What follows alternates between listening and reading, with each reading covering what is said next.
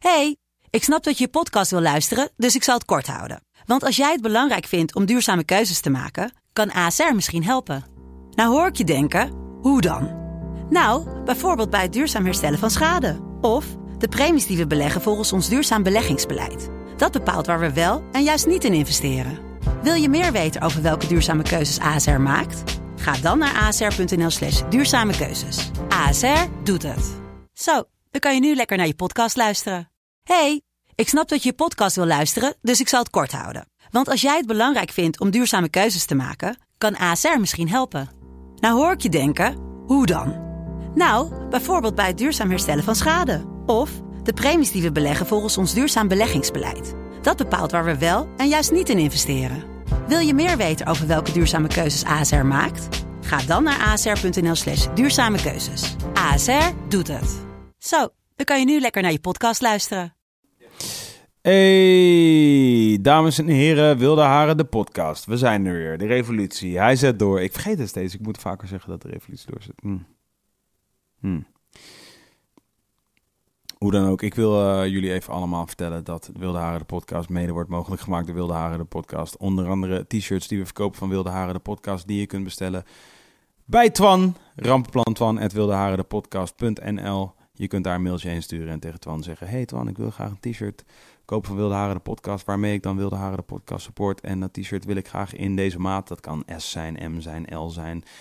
60 keer XL zijn, maar die zijn wel out of stock. En daarna zeg je waar je woont, hoe je heet eventueel. En dan krijg je gewoon een t-shirt thuis gestuurd. En help je ons een klein beetje, want van de winst die we maken op dat t-shirtje... ehm, maken we deze podcast, onder andere. Ja, eigenlijk nog niet eens echt, maar working on it, working on it. We hebben, we hebben niet echt een plan. Nee, hè? We hebben geen plan. Ehm gebrek aan een plan van. Wat je ook kunt doen, is eh patroon worden. Patroon. Ik vind het zo raar dat die site Patreon heet, maar dat je dan een patron wordt. Waarom word je dan niet een Patreon? Ja, maar dat is waarschijnlijk gewoon... We moeten even uitzoeken wat het verschil is tussen een... eh, wat een laten we een keer uitzoeken wat een Patreon is, niet nu. Anyway, www.patreon.com slash Wilde de podcast. Daarop kun jij patron worden door te zeggen... op elke aflevering van Wilde Haren de podcast... maak ik automatisch dit bedragje over naar de jongens. En eh, ook dat doe je in support van Wilde Haren de podcast... om onze droom te bekostigen... om op een dag, elke dag te kunnen podcasten. Is the dream. Is the dream. Twan wil een bedrijf beginnen. Heeft hij net heel lang over verteld aan Arie Boomsma. Dat wist ik helemaal niet. Hij heeft een soort boezeming gedaan. Hij zei, ik wil een bedrijf. Ik hoop dat dat een podcastbedrijf is. Dear Lord. En als je dan patron bent en een t-shirt bestelt, krijg je hem trouwens ook nog eens een keer voor de helft van de prijs. Dat is dan ook wel weer een keer hoe het werkt. Volgens mij kun je precies een rekensommetje maken dat je dan als dus net soort van voordeliger uitkomt. Door alleen eigenlijk patron te worden en. Als je het uit kunt vogelen, ik kan het nu even niet, maar als je het uit kunt vogelen, dan moet je dat gewoon doen. Wat ook nog even belangrijk is, is dat je gaat naar www.youtube.com slash de podcast en dat je daar even op abonneer klikt. Uh, zodat we op een gegeven moment aan allerlei merken kunnen vertellen dat we een heleboel mensen bereiken. Wat natuurlijk niet zo is. Dus je hoeft alleen maar, je kan ook gewoon dit toevallig horen als je in de auto zit bij een vriend van je. Klik even gewoon op abonneren, zodat we gewoon een paar abonnees. Je hoeft nooit te luisteren, maar het gaat ons gewoon om dat we mensen kunnen vertellen dat we een heleboel abonnees hebben. Mensen zijn dom like that. Dat is gewoon het fijne aan de wereld these days. Dus mensen geloven gewoon dat als er staat 100.000 abonnees, dat ook 100.000 mensen iedere keer luisteren naar elke scheet die je laat op YouTube. It doesn't work like that, merkjes. Merken people out there. Maar ja, dam. En jullie worden betaald to be dam. Dames en heren, we gaan nu naar Wilde Haren, de podcast met Arie Boomsma. Arie Boomsma is een presentator, een filantroop, een veganist. Oh nee, vegetariër. Hij eet wel vis. Een pescatariër ben je dan.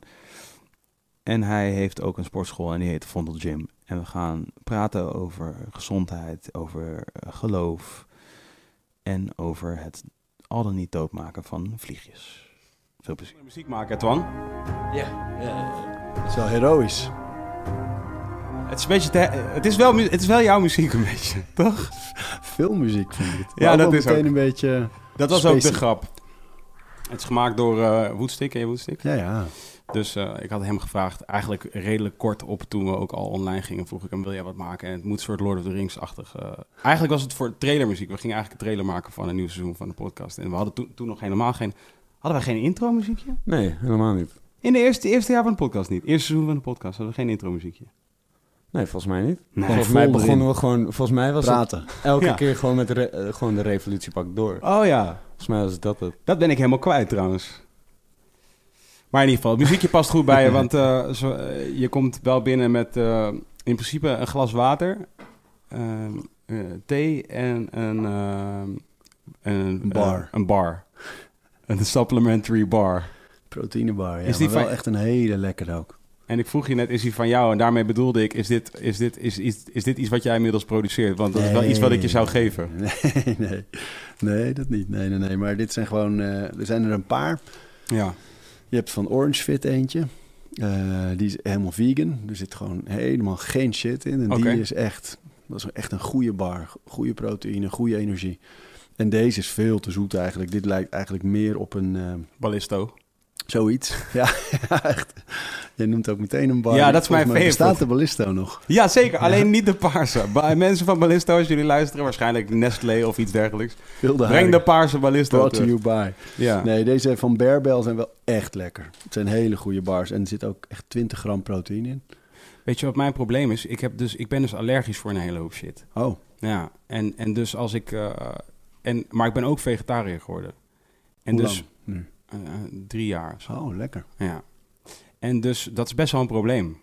Namelijk ook met dieet dus, zeg maar. Met, met soort het juiste eten eten. Ja, Is het best wel lastig. vaak noten. Dat, daar ben je natuurlijk... Daar ben ik precies- voor. Goed deel. Ik kan, ik kan eh, best wel wat fruit niet eten. Oeh. Ja. Maar zit het in vezels dan? Of? Dat is ook wel nog. Dat, dat zal ik je. Ik, ik zweer het je. Ik weet niet. Misschien kwam het omdat jij vandaag kwam. Maar ik heb vandaag echt met mijn vriendin heel uitgebreid gesproken over, eh, over de telefoon ook. Over van. Oké, we moeten echt. eh, gaan uit. Ik moet uitzoeken wat dat is eigenlijk. Want Ja, ik heb gewoon ja. mee, ik heb in mijn hele leven gewoon allergieën. En ik, hoe ik het gewoon bezig. Ik ben er gewoon nog nooit dood aan gegaan, obviously. Anders zat ik hier niet. Maar dus daarom heb ik gewoon altijd gedacht van. ja, Oké, ik eet gewoon wat. Als ik er slecht op ga, dan staat het op mijn allergieënlijst. Snap je wat ik bedoel? En Hoe soms, lang is die lijst nu? ja, is wel lang. Het is eh, appels, peren, aardbeien, vijgen, kersen. eh, en dan vergeet ik er waarschijnlijk nog een paar. Maar zooi, eh, veel fruit. Ja, Wel, combi ook. De citrushoek, daar ben ik safe. Kiwi kan ik ook eten, waar heel veel mensen dan wel weer, wel weer allergisch voor zijn. En dan met eh, noten, hazelnoten, walnoten. eh, Maar alles met pitten eigenlijk dus ook, misschien. Is dat het? Nou, een aardbei heeft ja, die hele kleine pitjes op de buitenkant. ja, dat, dat, die theorie heb ik dus ook al een keer gehad, ja. Maar Je hebt er al maanden. Ja, en, dus, en ik kon heel lang kon ik pindakaas eten. En nu kan ik recentelijk, recentelijk heb ik daar ook een reactie op. Op pinda's. Maar weer anders dan, dan mijn andere reacties, zeg maar. Dus Nou, dat heb ik ook. hier niet zijn met die bar, hoor. Nee, dus dat is super kut. Amandelen zitten erin. Ja, dus dat is echt kut. Maar ik vind wel iets voor jou. Om zo'n om- bar te produceren. Ja, Ja, alleen... Het is op een gegeven moment ook wel een beetje kiezen. Ik heb de laatste jaren juist ook met het krijgen van kinderen en, eh, en meer ondernemen... al juist ook wel geleerd om ehm, rustig te bouwen. pick your battles. Ja, en eh, ik denk wel heel erg in kanalen. Dus ik maak iets en dan is het of voor televisie, of het is een boek, of het is, weet je wel, een evenement kan ook. En ehm, juist niet te veel daaromheen. Dus eh, nog niet met producten en proteïnes en dat soort dingen. Misschien wel ooit via de gym, via Vondel Gym. Ja, Maar voorlopig niet zelf hoor. Vondelbar is wel, klinkt goed. Ja, Wel. klinkt wel lekker. Ja. En het kan ook nog Vondelbar zijn. Ja, Vondelbar. Vondelbar. Maar ehm, hoezo, hoezo heb je dat besloten? Nou, ik merkte sowieso, ik, ik denk dat een van mijn eh, karaktereigenschappen is zowel een voordeel als een nadeel. Dat ik heb wel bovengemiddeld de- discipline. Dus ik kan altijd redelijk goed schakelen tussen projecten en dingen en mensen. Mhm, En in de juiste concentratie en focus komen, snel. mhm. Alleen, ehm, het is natuurlijk altijd beter als je op één ding concentreert. Mhm. Als ik alleen maar televisie zou maken, dan eh, zou ik daar eh, veel dingen in kunnen doen. Of sneller beter kunnen worden. Of eh, meer impactvolle dingen maken, bijvoorbeeld. En met de gym hetzelfde. En ik vind het heel erg leuk. En het past volgens mij ook wel bij deze tijd om, om juist meerdere dingen te doen. Maar het moet er niet te veel worden. Ik heb wel gemerkt dat als ik dan eens een keer een zijproject, een, een tijdschrift, ook al is het vanuit de gym, maak, dat dat toch wel snel eh, te veel druk op de rest van de agenda zet. En heeft dat dan een, heeft dat een effect op jou zelf of meer op de kwaliteit van je werk bijvoorbeeld? Nou, ik denk ik- dat het misschien wel het probleem is. Want ik wil dan wel natuurlijk dat de kwaliteit goed is en blijft. Dus dan schakel ik mensen in om me heen die, waarvan ik weet, die zijn ergens heel erg goed in. Mhm. Maar dan nog in het begeleiden, het, het sturen, het, Ja. eh, het Maar het is jouw standaard uiteindelijk. Het, Ja. moet, het moet voldoen aan jouw eigen standaard. Vind ik wel. En alleen, ehm, ja, en nu, ik ben gewoon met name de laatste twee jaar heel erg veel bezig met eh, hoe ik mijn tijd eh, strakker en efficiënter in kan delen in een vast ritme. Eh, nu ben ik bijvoorbeeld al, al twee weken aan het broeden op een, een permanente auto-reply op mijn e-mail. Dus dat ik gewoon alle... De Aribot, ja, ja, echt. de Vondelbot. Ja, maar dat dan is- wel met, met de allermeest gestelde vragen. Dus alle verzoeken en de dingen. En wil je dit en wil je dat? Kunnen we koffie drinken? Wil je dit eens beoordelen? Ja. Of wil je... Nee, nee, nee, nee. Alleen dan wel gewoon eh the art of gracefully saying Ja, no, ja, ja, zeg maar. De, wil gewoon netjes be- bedanken, maar wel gewoon uitleggen dat... Kijk, ik vind sowieso e-mail, dan ben je totaal op andermans to-do-list bezig. Dus mensen kunnen je een mail sturen en Ja, er wordt en- ook verwacht dat je Het is terugmailt. lijp, hè? Ja. Het is echt lijp. Je hebt echt gelijk. Het is echt alsof andere mensen ingang in je agenda hebben. Toch? Ja. Zo van... Twan? Hé, hoezo? En dat eh, gewoon zo... Ja, gewoon... Ja, je weet, dat had je nodig. Je Kan staat gewoon. even... Ja, waarom ben ik bij jou? Ja, dat had ik gisteren bedacht. Ja, dat toch- is echt wat het is, ja. en, eh, 200 ongelezen e-mails. The Ja. fuck? Ja, maar dat kan niet, joh. Ja. En weet je, en dan, eh, omdat ik altijd nogal maatschappelijke programma's heb gemaakt, zit er altijd heel veel ook hele gevoelige, emotionele dingen bij. Ja. Van ouders met zieke Waar, waar kinderen. je of- misschien liever geen bot antwoord op wil geven. Kan niet, vind ik. Ik, Ja. vind, ik vind ook nee, dat ik je bedoel ook een antwoorden. robot. Nee, Bedoel oh, die ook. Robot en bot. Maar dat Eh, is, beste... En dan een soort van... Ja. Valt, wordt vanzelf ik heb je ingevuld. mail ontvangen, Wat- maar helaas. Wat mooi om te... wat vervelend, maar ook mooi om te lezen wat er met je is Nee, gebeurd. kan niet, Ja. kan niet. Dus eerst had ik dan bedacht dat mijn zus, eh, die doet veel werk eh, met, met, ja, met mijn eigen dingen en ook bij de gym. Hm. En die heeft de toon en die begrijpt het. Dus die kan goed op een nette manier nee zeggen. En, eh, en alternatieven voorstellen, want dat helpt ook altijd goed. Alleen eh, dan nog merk ik dat het gewoon... Ik ben gewoon een volle werkdag kwijt aan mail. Elke week weer. En dat vind ik gewoon zonde. Dat Ja. is ook tijd die ik liever in andere dingen steek. Dat is lijp. En je bent inderdaad volledig slachtoffer. Ja, Dat is echt gek. ja. is echt zo, hè? Maar het is ook wel een direct gevolg van je succes. Jawel, Ik denk alleen... dat een heleboel mensen zoiets hebben van... Ja, ik krijg nooit, ik krijg nooit mail. Zitten te wachten. tik, tik, tik. Ja, nee, dat, is natuurlijk ook zo. Dat vind ik bij alles. Daarom, je moet ook niet, denk ik, te veel klagen. Ik, dat is, eh, het is vooral mooi dat er veel gebeurt en dat er Ja. veel op me afkomt en voor dingen uitgenodigd wordt en dat ik nog, nog relevant ben, weet je wel. Dat Ja. soort vragen natuurlijk ook. Ja, want wij hebben, wij hebben, hoe, wij, wij hebben Arie voor het eerst gemaild hier over 2014. Ja, Ja, ja, voor het eerst. Toen ging je telefoonnummer over lieve- naar jouw zus. Ja, ja, ja. Dat Kreeg was een hele lieve afwijzing. Ja, ja. Nee, dat is ook zo. Nou, wij hebben ook al heel snel gezegd, het lijkt me heel erg leuk om langs te komen. Tuurlijk, nee, en, makkelijk eh, gaatje. maar- Gaatje met een seintje zou mijn vader dat doen. Ja, maar dan is het inderdaad, ja, weet je, we- wij zitten hier tot tien, Zeg ik niet. ah, zoiets. Oh shit. Nee, zo. Nee, maar dat vind ik het heel erg ja. leuk. En ik ben zelf ontzettend veel al een paar jaar podcast aan het luisteren. Dus ik Ja. volg het ook wel redelijk in Nederland ook. Ja, Dus dan vind ik het heel leuk, al meteen van het begin. Maar ik had dan net een paar maanden geleden Ja. besloten om niet te veel avonddingen te doen. En weet je wel. begrijp ik ook helemaal volledig. En dat, dat is ook dan wel weer... eh, daar ben ik persoonlijk dan ook heel eh streed in of zo. En- Ja. En ik bedoel nu niet per se dat ik dat nu wil zeggen van... dat ben ik met jou ook geweest. Maar meer in het algemeen omdat ik zelf ook op die manier handel. Dus ik verwacht... Ik, weet je, ik, ik, ik, ik eh, behandel mensen zoals ik graag behandeld Ja, word. Dus als ik gewoon zeg nee, dan verwacht ik gewoon dat iemand zegt, begrijpt dat, dat ik dat en dat dat een wel overwogen beslissing was voor mij om nee te zeggen. Ja, en dat ik maar niet... begrijpen ze dat ook echt? Nee, nee, nee, nee. Nee, vaker niet dan wel. En mensen nemen het persoonlijk, dat is zo lastig. Ja, En vooral in de kant- categorie vrienden en kennissen die dan zeggen: hey, kun je heel even dit? Of Ja. tegenwoordig is natuurlijk bijvoorbeeld een van de meest voorkomende dingen: hey, vrienden van mij gaan trouwen, zou je even een videootje? Hey, Mm. de, de dochter van een kennis heeft kanker, Mm. zou je even een videootje? Ja, zeg maar eens nee, weet ja. je wel? Tegen ja het is bij jou 11 met kan ik mij voorstellen, jij zal waarschijnlijk als dit onderzocht zou kunnen worden, misschien wel de meest favoriete persoon zijn in Nederland om te vragen, kun je even een filmpje maken want mijn collega gaat trouwen. Dat denk ik wel. Ik denk dat jij wel valt Nou. in die categorie. Nou. Ergens in de top 10, zeker. Het is wel veel, alleen eh, En moeilijk om nee te zeggen. Specifiek voor jou, omdat ik denk dat Ja. mensen verwachten dat jij altijd ja zegt. ja, en dan zeg ik dus altijd: eh, zou je willen mailen even? Want dan, Ja. dan zeg ik er ook al eerlijk bij, want ik doe het waarschijnlijk niet, maar dat wil ik even goed uitleggen. Ja, En dan, ga, dan komt er dus een hele lange mail waarin ik uitleg, weet je, want het Ja. kan, ja. ja. Dus ja, zo ben je toch weer heel lang bezig daarmee. De gebundelde e-mails van Arie Boomsma, die kunnen wel een keer uitkomen op een dag. Gewoon een soort, hoe, hoe heeft Arie Boomsma allemaal nee gezegd in 240 pagina's? Wel vet. Ja, ja. Hoe, hoe is jouw, eh, want het viel mij op dat, ehm, in, eh, toen ik even ging lezen over Arie Boomsma, 2,5 jaar geleden, toen de eerste keer dat ik vroeg, nee, Ehm, eh, dan wordt er best wel veel over jouw broers gepraat. Maar toevallig dacht ik toen van, ja, ik heb dus eh, jouw zus op een gegeven moment Ja. ineens aan de telefoon gehad. En, ehm, en, eh, maar er gaat, eh, om de een of andere reden, één, is, die is no- nooit zo prominent naar voren gekomen in een verhaal, heb ik het gevoel. Het gaat best wel veel over, vaak is het over jouw broers gegaan. Ja. En twee, wat mij opviel, is jouw, zowel jouw zus als jouw broer, en ik weet even niet, je hebt een zus, een broer en nog een broer, hè? Ik heb drie broers zelfs. Ah, drie broers. Ja, maar die ene, daar hoor, ja, daar hoor je nooit over. Dat is de oudste. Ja. Dat is zijn wens ook, Ja, die vindt het allemaal wel best Ja. om daar helemaal niks mee te maken snap te hebben. wel. Sowieso heeft geen van mijn broers eh, en mijn zusje denk ik ook niet de ambitie om dingen in media te doen of zichtbaar te zijn of Nee. bekend. Of, eh, nee, maar die twee broers wa- waar die vaak voorkomen in interviews en die eh, zelf ook wel een paar keer in de media zijn voorgekomen. Een van mijn broers heeft een heel mooi boek geschreven. Die zijn allebei verslaafd, dus die, en inmiddels ook allebei zes jaar nuchter.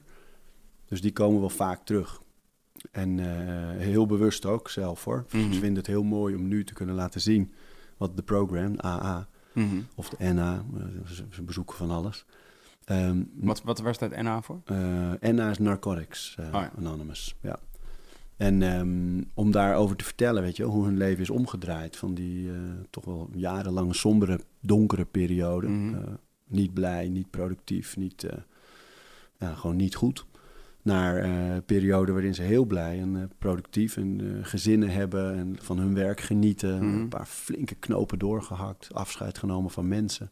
Het is heel mooi ook om, om dat te zien. Krijgt- Ik heb echt twee broers teruggekregen.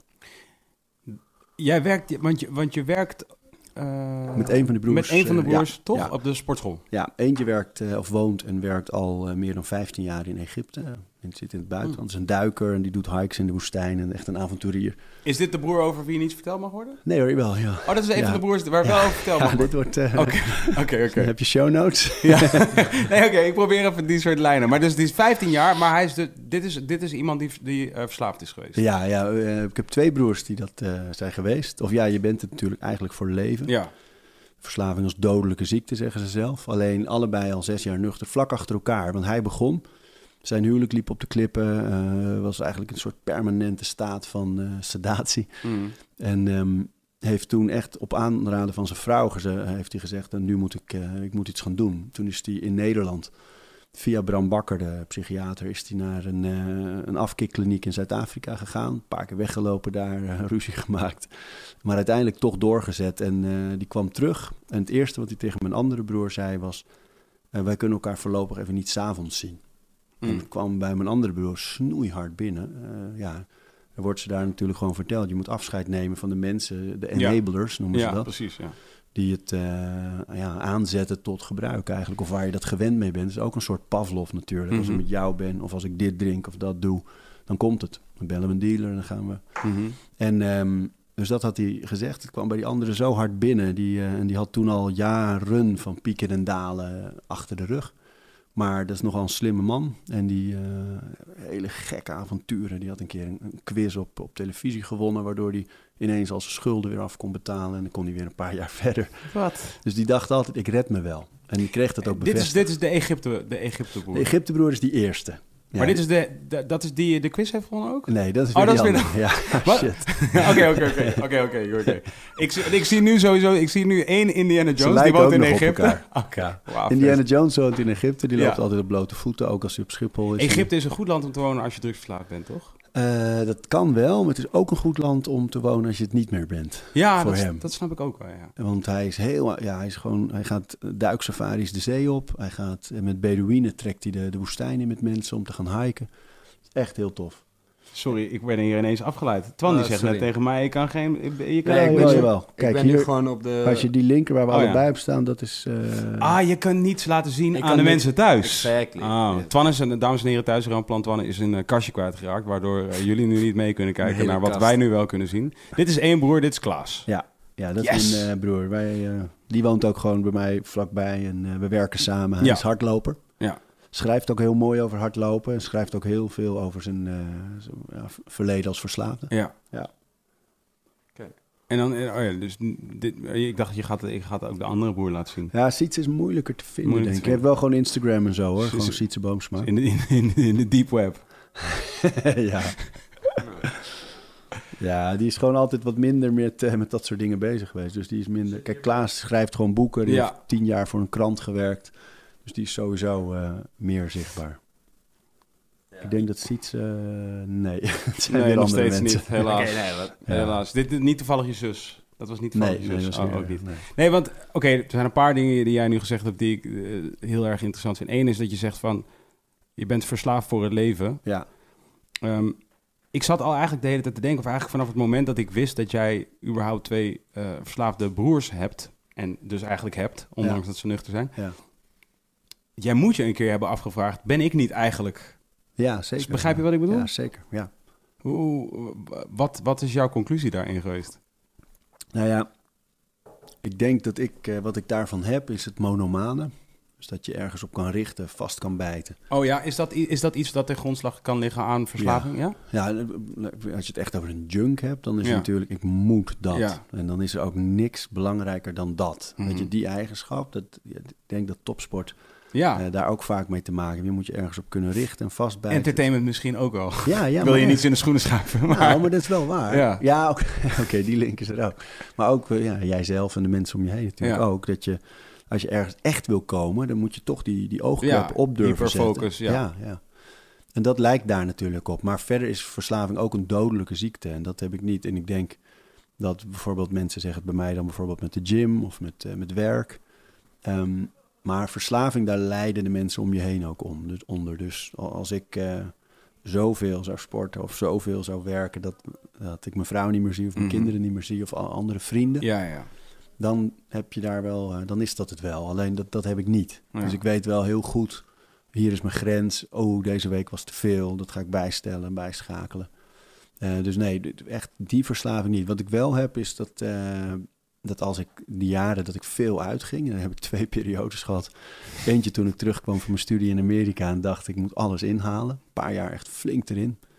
En ook na een lange relatie, dan een paar jaar heel onrustig en eh, veel uit, eh, drugs, alcohol en... eh, Is dat lang geleden? Die ja, tweede nou, periode? Ja, vier, vijf jaar of zo. Ja, zoiets. niet super lang Niet, super lang geleden. Nee, dat was die tweede.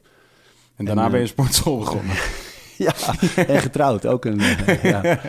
Nou, en, eh, dat ik dan wel merk dat als ik, er, als ik erin ga, als ik erin duik, duik ik wel hard. En, eh, In allebei. in alles. Ja. Ja. En dan durf ik ook wel, ja, dan ga ik wel diep. Ja. En dat is ook, vind ik eerlijk gezegd, misschien wel in alles, dat op het moment dat je ergens echt vol voor gaat, kijk, dan staat mijn hoofd stil, dan ben ik niet met andere dingen bezig. Het is een hele lekkere uitlaatklep. Alleen ik weet wel waar ik moet stoppen. Mhm. En eh, dus natuurlijk gebeurt het dan ook wel eens dat je een nacht doorhaalt of zo. Maar bij mijn broers, dan eh, werd er in de ochtend nog iemand gebeld, weet je wel. Ja. Dat, dus dat gaat altijd door. Dus als die één biertje neemt, dan is die aan het denken, hé, hey, zijn er wel genoeg? Is de volgende er? Maar ik kan mij ook voorstellen, dat, want als jij nu zegt van ja, weet je, ik heb, eh, ik heb gewoon in een fase wel drank en drugs weer gedaan. Ik kan mij voorstellen dat, dat, dat, dat je daar twee keer over nadenkt voordat je dat doet met twee broers die... Nou, kijk, het, het, eh, het lastige is dat er natuurlijk ook een periode is geweest in Nederland waar je dat doet, dat ik met mijn broers die dingen deed. En dat nog niet echt duidelijk was dat er bij hun verslaving, of sprake was van verslaving. Dus eh, toen, daar denk ik wel achteraf van, ik ben best wel vaak in een situatie geweest waarin ik misschien degene had moeten zijn, hé, hey, we stoppen. Alleen ik was altijd ook al degene die naar Amerika ging om te sporten, Ja, die ja. redelijk snel alles op orde had. Was je de jongste? De tweede. Dus, dus ik vond het eerlijk gezegd ook wel leuk om eens een keer helemaal mee te gaan. En Ja. als ik dan eh, in de stad was waar een van hen studeerde... en ik zag dat hij een soort in bravoure en gekkigheid... ook wel een soort voorloper was voor, voor zijn studentenvereniging... En vond ik het ook wel weer leuk, weet je wel, om Mhm. daarin mee te gaan. En natuurlijk achteraf wel vaak gedacht... ja, dat, daar ging het te ver of daar... of oeh, daar merkte ik misschien wel dat, dat hij doorschoot... als ik eh, stopte of wilde stoppen. Dus Nee, dat was niet. eh, en ik, ik ken daar mijn grenzen wel goed in. Dus ik, heb, eh, ik ben eigenlijk nooit als het over drugs of alcohol gaat, nooit zo ver gegaan dat ik bijvoorbeeld eh, dingen mee naar huis nam. Of Ja. als het nog een beetje was. Of dat dan, weet je wel, dat allemaal niet. Ja, Dus, nee, het was gewoon daar gewoon dan als je uitging en dan, en dan, en dan was dat ja, was het. ja. En heb jij, want ehm, geloof jij dat, ja, dat is eigenlijk een heel existentiële vraag. de, eigenlijk de nurture versus nature eh, vraag. Want jullie zijn broers, Ja. jullie zijn familie van elkaar. ja, En je zou denken in dezelfde omgeving opgevoed, dezelfde set of rules vanuit huis, ja, hetzelfde toch? ja. Ehm, dus je zou denken van jullie zijn voor dezelfde dingen eh, ontvankelijk. Nou, kijk, dat is hetzelfde als dat in een gezin soms ook niet iedereen uiterlijk op elkaar lijkt, vind Nee. ik. Dus dat je, ik geloof wel heel erg dat alles in ons leven een combinatie is van die twee dingen, Mhm. nurture en nature. Maar verslaving bijvoorbeeld, dat, dat, dat is altijd al in iemand. En dat kan zich manifesteren eh, door eh, stress, door druk, door trauma's, door onzekerheid, door wat dan ook. Echt Mhm. heel veel verschillende dingen. Het is echt een ziekte als Ja. elke andere ziekte, maar alleen niet met het blote oog eh, Ja. detecteerbaar. En op vijf kinderen twee verslaafd, ja, dat is natuurlijk veel Mhm. eigenlijk.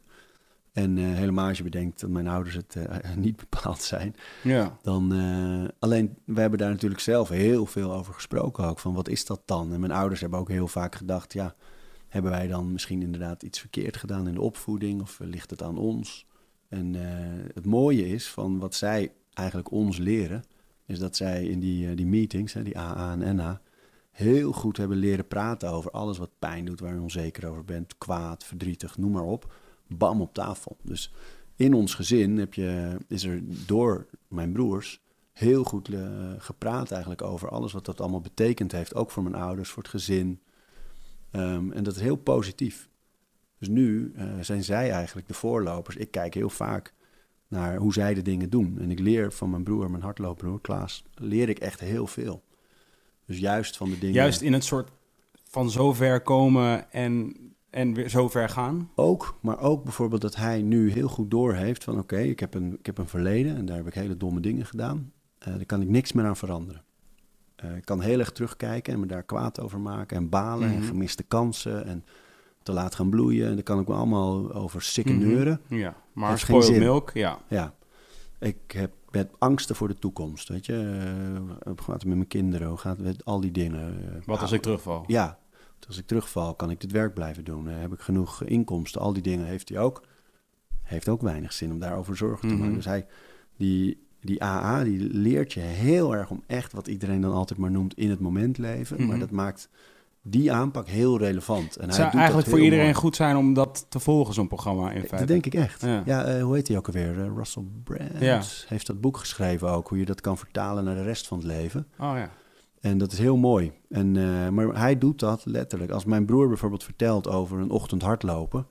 dat hij de dag begint met de eerste overwinning. Want je gaat hardlopen Mhm. in de ochtend. Mhm. Ja, niemand heeft daar zin in. Nee, hij doet het. Eh, hij ziet de zon opkomen. Hij ziet een havik boven de, boven de velden zweven. Hij, weet je, hij beschrijft dat op een manier dat ik denk... ja, je begrijpt wat het leven nu is. Vroeg opstaan in het algemeen is, is, is echt inderdaad... Als je de dag, als je de dag wil beginnen met een, eh, iets in de win-column... moet je vroeg, eh, vroeg opstaan. ja.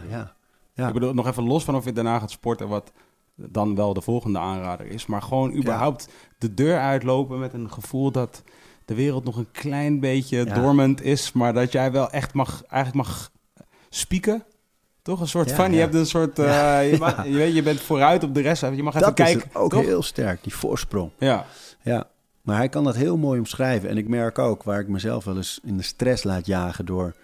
oeh, de kinderen, oeh, werk, oeh, dit, oeh, dat. eh, veel merk dat hij altijd heel kalm is met zijn dochter... met eh, weet je, de stress die daarbij Mhm. komt kijken. En dat heeft allemaal daarmee te maken. Dus ik ben bij hem bijvoorbeeld ook... Tuurlijk is er ergens diep van binnen een soort angst... van oh shit, als die maar nooit terugvalt. En dat Mhm. geldt ook voor die anderen. Maar bij hem heb ik heb dat bij beide eigenlijk niet. Ze zijn zo sterk nu en zo... Ja. eh, ze stralen echt kracht uit, allebei. Maar eh, wat ik net zeg, van, het is wel van ver, van ver komen en nu, en nu eigenlijk heel ver zijn. Ja. Ehm, met een soort van eh, de, hoe heet het, eh, de wet van de remmende voorsprong. Ja, Toch van, als je, als je van zo ver komt, dan heb je ook ergens, is het ook, je kunt het als een slingshot gebruiken natuurlijk, om, toch, om, om, om eigenlijk weer in het leven heel ver te gaan. Omdat je zo goed weet ja, wat de andere kant is. ja. ja zeker. Maar, maar ook, Kijk, verslaving gaat heel erg over, over liegen, over verbergen, over eh, niet alleen eh, naar de mensen om je heen, maar ook heel erg tegen jezelf. Ja. En de angsten. En eh, Ja. ik weet niet of je dat boek The War of Art kent van Steven Pressfield. Heel interessant. Dat gaat eigenlijk over, hij noemt het the artist, hè, maar iedereen die iets maakt Oh of ja. doet of iets creatiefs. En dat, dat, daar gaan hele stukken van het boek over weerstand. En die heeft, eigenlijk is de conclusie dat weerstand om iets te doen, dus eh, procrastination, en Mhm. uitstellen, dat dat allemaal eigenlijk te maken heeft met angst om, om, om wel daar te zijn. En om Mhm. wel iets te maken en om wel iets op je te nemen Mhm. en om de druk te ervaren van doen. Volgens mij, iedereen weet, het, iedereen weet opkijken tegen iets. En het verschil tussen de, tussen de periode voordat je het doet en het doen. Ja. Het doen is altijd way minder erg dan, dan ja. de periode die eraan vooraf gaat. Ja, Toch? Ja, ja. maar zij, eh, ja, ik vind dat zij dat gedeelte heel erg leven. En eh, daarin zijn ze echt voor mij voorbeelden geworden. Ja. Dus waar ik altijd in die verslaafde periode het gevoel had dat ik een soort tweede vader was geworden, weet je wel. Waar, waarbij je aanklopt om geld te lenen of waarbij je aanklopt om, nou ja, gewoon als broers ook steun te geven natuurlijk. Maar Mhm. ik voelde me heel vaak ja, als een, een soort vader voor mijn broers. En nu zijn we weer broers. Ja, Het is echt, eh, het is echt een bijzonder moment om te ervaren. fijn. Ja. En maar, maar jij hebt dus ook eh, heel bewust... Je hebt eh, zowel jouw zus als jouw broer in jouw professionele leven. Ja, ja. Is, is dat iets wat jij ook... een Soort, is dat bewust zo gekomen? Eh, Nou, ik geloof heel erg in eh, het belang van een vertrouwensband in bedrijven. Dus werken met mensen waarvan je weet, die hebben de toon, die hebben het vertrouwen, die hebben de loyaliteit, eh, die hebben ook de, de productiviteit. mhm. Die willen graag. Als je dit met een Italiaans accent zou zeggen. I need the Listen trust, I need the loyalty.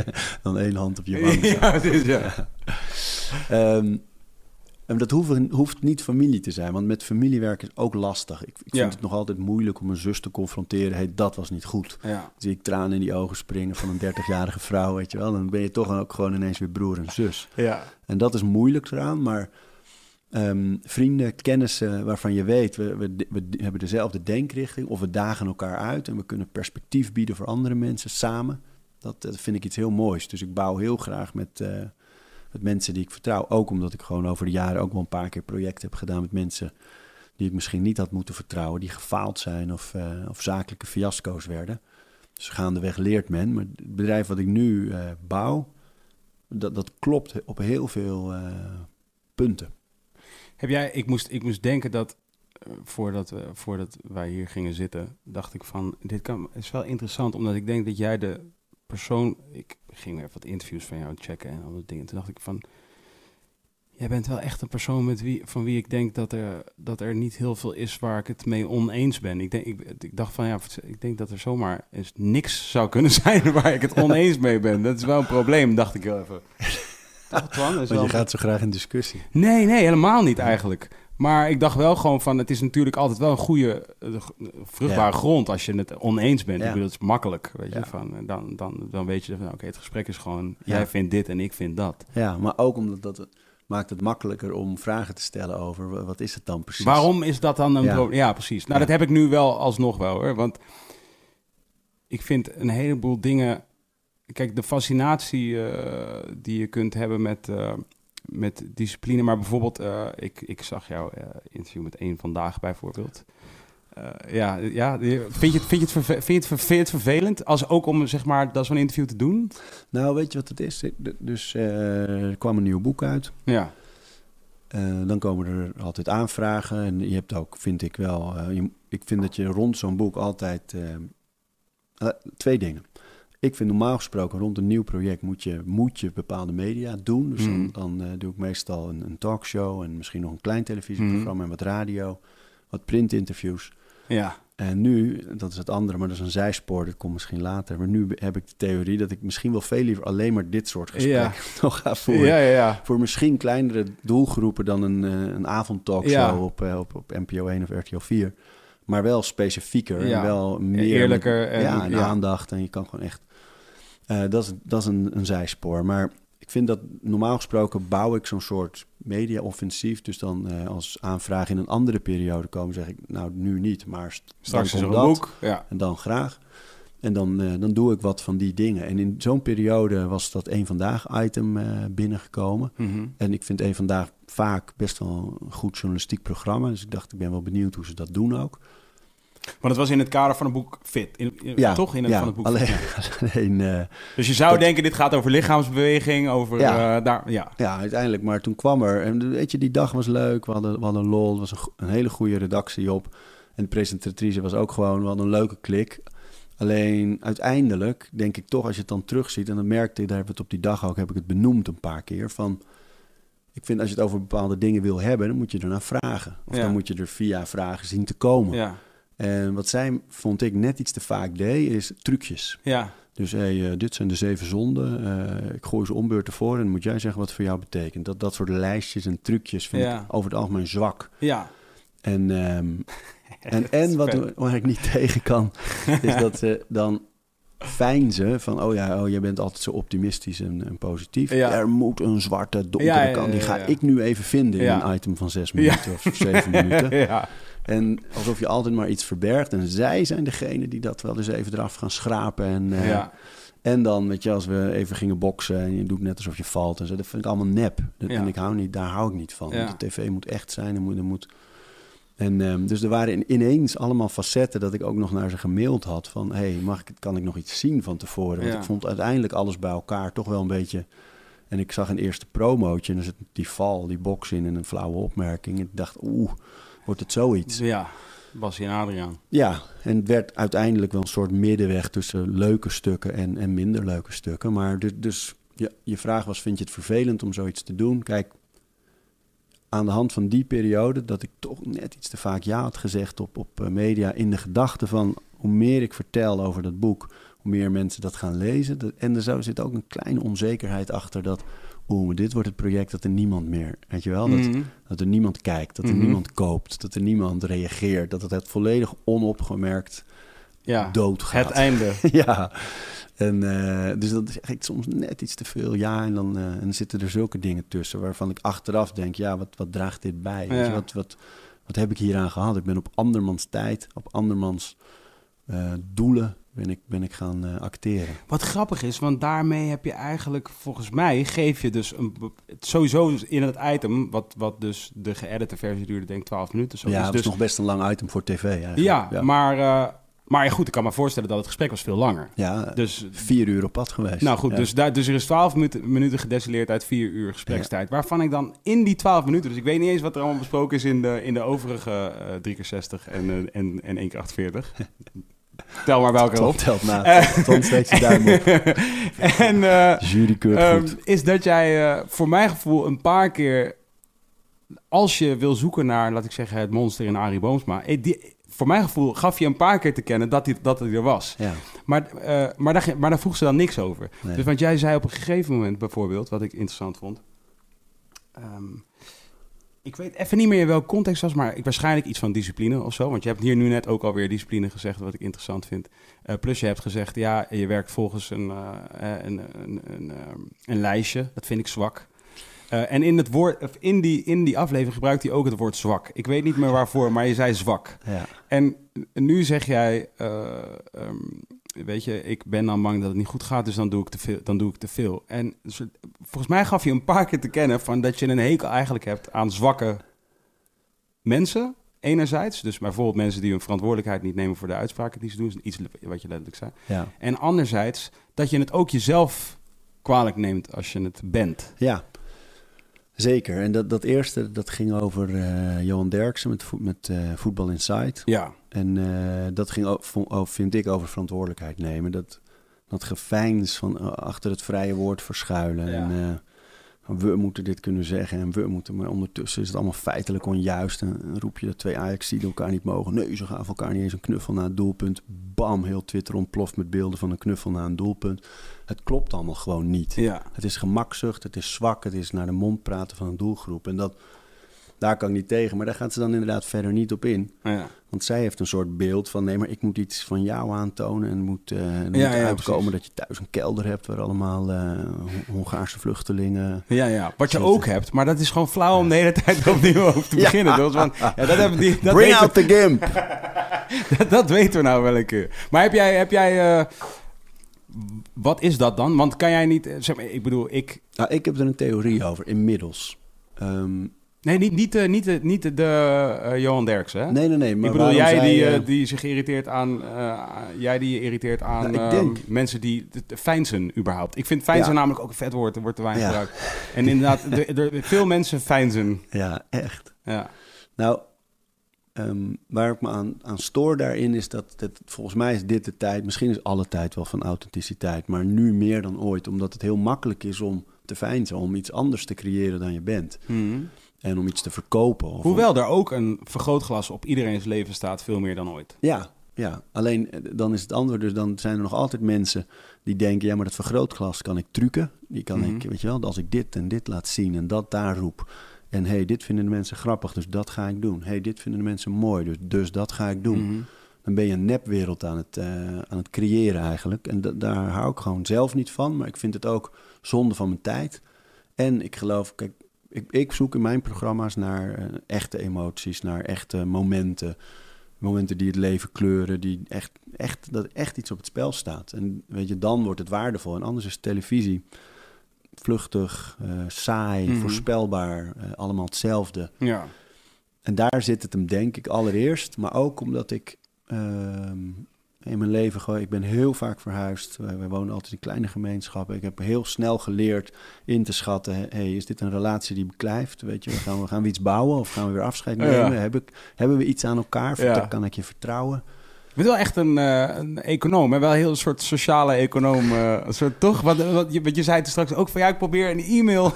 Permanente e-mail, permanente e-mails. Maar de- reply. Ja. Je bent echt een soort heel eh, sociaal efficiënt wil je zijn. Ja, ik ben zo, vind sowieso het hele idee achter live hacken en efficiënt zijn. Ja. En, eh, en dat is natuurlijk riskant als het op relaties aankomt. Ja. Maar ik heb het gevoel dat als ik daar... Ik ben er heel nieuwsgierig naar, omdat ik het gevoel heb dat het me veel oplevert. Namelijk als ik al die bullshit en het gefijns en de, Ja. de verzoeken eh, van mensen waar het niet echt om mij gaat, maar gewoon een persoon die opkomt draven, of een persoon die een videootje maakt, of Ja. een persoon die komt openen, of een persoon die een discussie leidt, of een persoon enzovoort, die een goed doel steunt, wat dan ook. Als ik dat allemaal aan de kant schuif, hou ik meer tijd over om eh, mooie gesprekken te hebben. Ja. Of om met vrienden te zijn. maar nu komen, we, nu komen we misschien bij het ene ding waar we het oneens over zijn. Yeah. Ehm, Kijk uit, hè? ik heb hier een bar met noten. ja, ja, ja, nee, ik ben sowieso... eh, als je me zo meteen één keer een soort jabt, ga ik vallen. Just so you know. FYI, voor de promo van Wilde Haren, de podcast met Arie Boomsma. Nee, eh, is namelijk... Je hebt net gezegd, de weerstand is, is, is vaak wat het, eh, wat het mooi maakt, toch? Ja. En dus, dus dit is, dit is eh, ik denk dat wij eh, eh, ook van een, een, een paar mensen allebei fan zijn in deze wereld. En een, een van die mensen heeft bijvoorbeeld veel over biohacking. Oké, en, en ik heb hier eh, bijvoorbeeld Casper ehm, Van der Meulen. Casper van der Hey, Meulen ja, ja, ja. Eh, eh, hè, die, die een groot voorstander is van, Ja, van biohacking. goed en, bezig, eh, hoor. Ja, ja oké. Ja, hier ben ik het mee eens. Maar, Ten behoeve van wat? Dat, dat- laten we daar beginnen. ja. Wat is jouw antwoord daarop? Ten behoeve van wat ben je hij aan... mee bezig of ik? Nou, laat ik zeggen, in het hacken aan zich. Dus jij hebt het Ja. nu even over live hacking, hè, wat Ja. waarvan jij bijvoorbeeld zegt van als ik een geautomatiseerde van eh, eh, e-mail responder zou kunnen maken waarin niemand zich beledigd voelt, Ja, dat is de dream. ja. En Ja. dan, en dan, en, maar, maar in zijn geval bijvoorbeeld eh BMR-transplantatie of weet ik veel wat. Snap je Ja, wat ik bedoel? Dus van iets waar, hij, waar, waar we volgens mij in de podcast over hadden, waarvan hij zei van, joh, als dat allemaal... Ja, dat, zover ga ik niet. Want het gaat mij niet om langer leven of zo. Oké, lijkt me cool. Dan verschrikkelijk zijn we het toch weer eens. Jammer. Ja. Verschrikkelijk, hè? Ja, ja. Ehm, dus dat is het allemaal niet. En, het, en ik vind het ook niet om wat je bijvoorbeeld bij over podcast Tim Ferriss heel erg hebt, wat ik bijna altijd interessant vind. Maar als ik het niet interessant is, vind, dan is het altijd omdat het me te veel gaat over het leven zo efficiënt en productief mogelijk leven. ja. En, en Want dan zijn we, da- ja precies, wat je- een beetje het Amerikaanse model wel lijkt. ja, ja, Toch? van minder tijd, meer doen, verder komen, Ja. eh, meer succes, meer Ja. geld. Maar de kwaliteit van het leven, Ja, Dat vind ik Het minder. wordt vaak buiten, buiten beschouwing Ja. gelaten, toch? Ja, en voor mij gaat het veel meer over hoe kan ik ervoor zorgen. Ik, weet je, ik, als ik mijn tijd bijhoud, dan schrik ik er soms van eh, hoe, hoeveel tijd ik kwijt ben aan al die dingen. Als ik dat tegenover de tijd die ik kwijt ben of die ik mag besteden met mijn kinderen, dan vaak is dat minder. Klopt er iets niet. Ja, man. Vandaag, eh, weet je wel, ben ik 2,5 uur in de ochtend eh, met mijn kinderen geweest. En daarna 's middags nog een uurtje. 3,5 uur tegenover, ja, wat is het alles bij elkaar? Zo 8, 9, 10 uur werkdingen. Sorry En man. nee, maar dit vind ik leuk. Nee, Nee, nee, nee. Ik begrijp, ik begrijp voor wat je bedoelt. even Ja, nee, ik begrijp wat je bedoelt. Ja, ja. Weet je wel? En Ja. dat is, eh, daar, moet, daar moet het anders. Daar gaat het voor mij heel erg om. En ook als ik merk bijvoorbeeld dat ik eh, toch af en toe nog na een hele volle week toch moe ben aan het einde van Ja. de week, dan denk ik, oh ja, dan gaat er nog iets fout ergens. Ja. Dan of ik heb eh, weggesnoept van mijn slaap, ja. of ik heb eh, slecht gegeten, Ja. of ik heb, weet je wel, ergens gaat iets fout. Ik weet ook daar weer, gaat het mij om. Ik weet ook weer, en dit gaat misschien lijken alsof het allemaal niets met elkaar te maken heeft. Dat wordt me altijd verweten. Maar het heeft wel met elkaar te maken. Is wat jij volgens mij zei in die aflevering van één vandaag, had je het over kwaad worden. En dat vond jij zwak. Dat zei jij. oh ja, mij. ja, ja. Jij zei ja. kwaad worden is zwak. Wat ik heel lauw vond. Want zij is op zoek naar, naar de, naar de eh, Mr. Jekyll. ja. In Arie Boomsma's eh, dokter... nee, dokter... Hyde. Mr. Hyde. Ze was op zoek naar Arie Boomsma, Mr. Hyde. En ehm, dus ze zegt, word je nooit eens kwaad. En dan zeg je, nee, ik word niet kwaad. Ja, en dan zeg je, ja, wil je kwaad worden? Vind ik gewoon zwak. Toen dacht ik, ja, nu ben je een beetje kwaad. Je Ja. bent niet kwaad, maar Ja. je zegt wel, ik vind het gewoon een, een leme emotie. Om, Ja. eh, Ja, weet je, kijk, natuurlijk ben ik, ben ik boos om dingen, ben ik verdrietig, ben ik eh, niet zwaarmoedig, maar wel gewoon, weet je, somber. Ik kan echt goed somberen. mm, Al die dingen heeft iedereen. ja. Dus, dus daar stoor ik me al aan als iemand zegt, heb jij dat wel eens? Ja. natuurlijk heb ik dat wel eens. En de vraag die daarachter ligt, wanneer, weet je, die is ook al heel vaak beantwoord. En dat is het een beetje met, met dat soort interviews. Mensen praten elkaar in de media zo na. Ja. Dus, oh, jij bent die optimist. Eh, ja, als je naar mijn programma's kijkt, weet je, die zijn best wel zwaar vaak, zware emoties. Eh programma's ja. over zelfmoord of andere dingen, alles wel gedaan. Eh, die dingen met mijn broers of, of, Ja. of eigen misère. Ik, ik deel volgens mij altijd best wel veel, weet je, als het over miskramen of andere dingen gaat. Ja. Dus het is er allemaal. Ja. Dus op het moment dat iemand in zo'n programma zegt, ja, je bent altijd zo optimistisch en is er dan nooit een, een donkere of sombere kant, dan, dan kan ik daar kwaad van worden. En, en natuurlijk heb ik ook wel momenten dat als ik dan mezelf zou laten gaan, dat, dat is wat ik bedoelde met zwak. Op het moment dat iemand gaat schreeuwen of Mhm. echt gaat, gaat, gaat, gaat gooien met scheldwoorden en, eh, en smijten met, met, eh, ja, gewoon met, met misère, Mhm. Dat is zwak, vind ik. Ja, ik is zit lekker, echt- maar zwak. Ik, zit nu, heb, ik ben namelijk alsnog nat gegaan, want ik zei, dit gaat verband houden met waar we het over hebben. Nou weet ik niet meer waar we het over hadden daarvoor. Weet jij het nog, Twan? Wat, wat, wat, wat zei Arie ook weer? Over efficiëntie nog, is het, daar zat daar Ja, het zat daar ergens in, ja. En, en namelijk wat, wat ik er... In, en, en ook waarvan ik zei van... Oké, hier gaan we het over oneens wellicht zijn. Ehm, en de tijd met je kinderen... En je zei, hier, er zit dan te weinig tijd in de dag. Die verhouding. Nou ja, die, die, eh, die zucht naar efficiëntie. Ja, zoiets. Ik weet niet. Ik ga hier waarschijnlijk nog wel een keer, weer een keer opkomen. Maar ik vind het... het ik vind het want ik herken het heel erg ook. Ehm,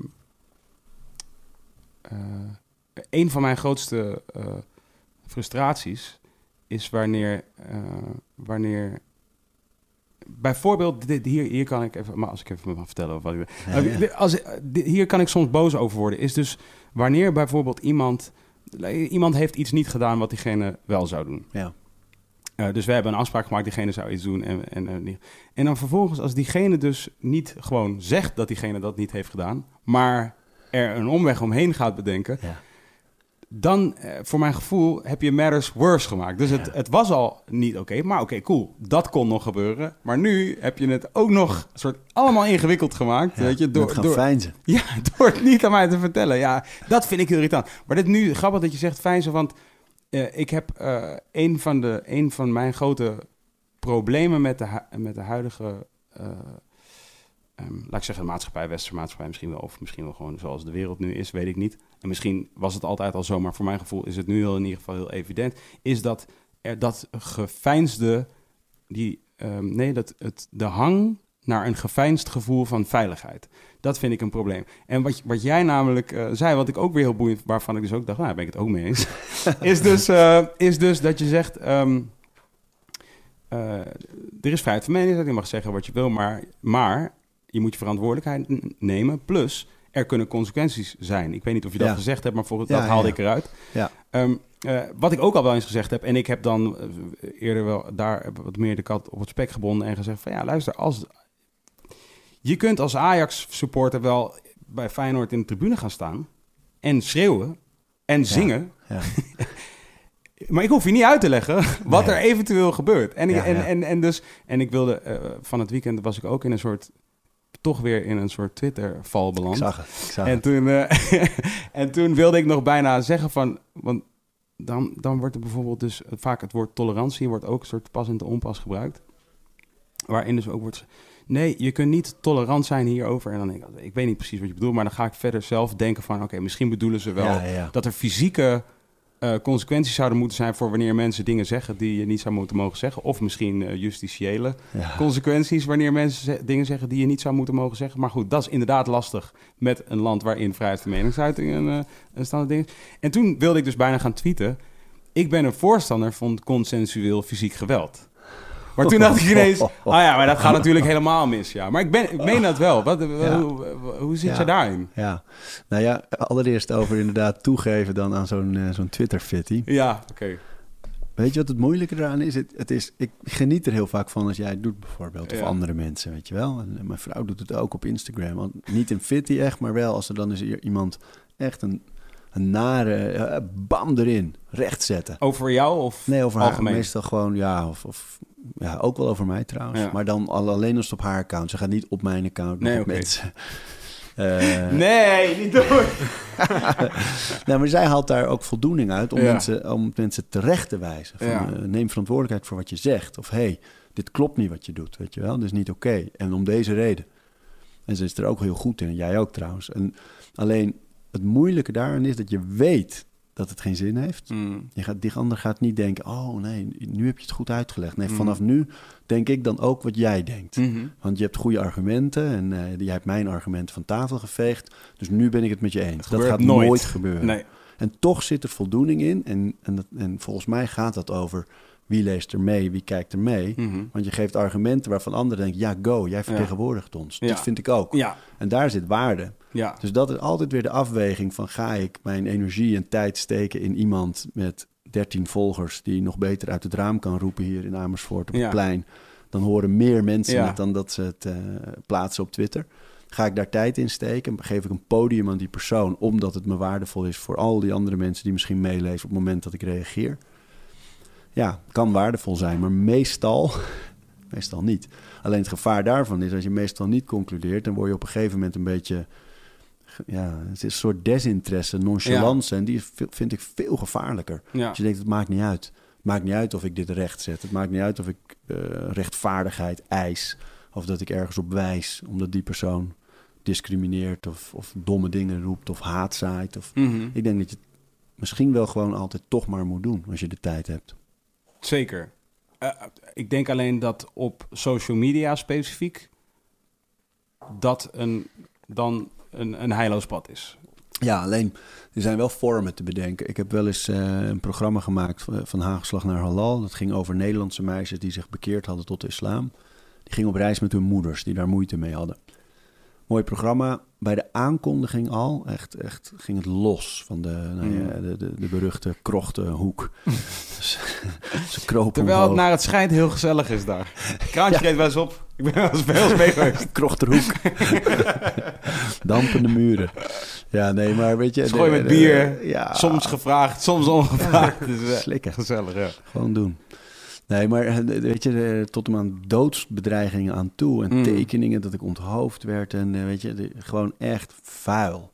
Mm. Vuil, vuil, vuil. En altijd van anonieme accounts met een gekke foto. Mhm. Of eh, Nederlandse vlaggetjes met bijlen erbij. En weet je, Man met een gek- vis. Ja. Zwaak man met Ja. een vis. Heb je zo eens wel eens opgevat? En, en, en dan denk ik, ja, daar ga ik niet, niet één op één op reageren. Want Ja. dat is, maar wat ik dan toen deed, is dan verzamelde ik gewoon elke week dat ik over dat programma berichtte en dus weer een hele bak van die shit kreeg. Verzamelde ik de leukste eigenlijk. Hè? De, Mhm, de, de meest creatieve, Ja, de meest ja. creatieve. Dit is een mooie tekening van hoe ik onthoofd word. Ja. tekening heb ik ook gewoon geplaatst.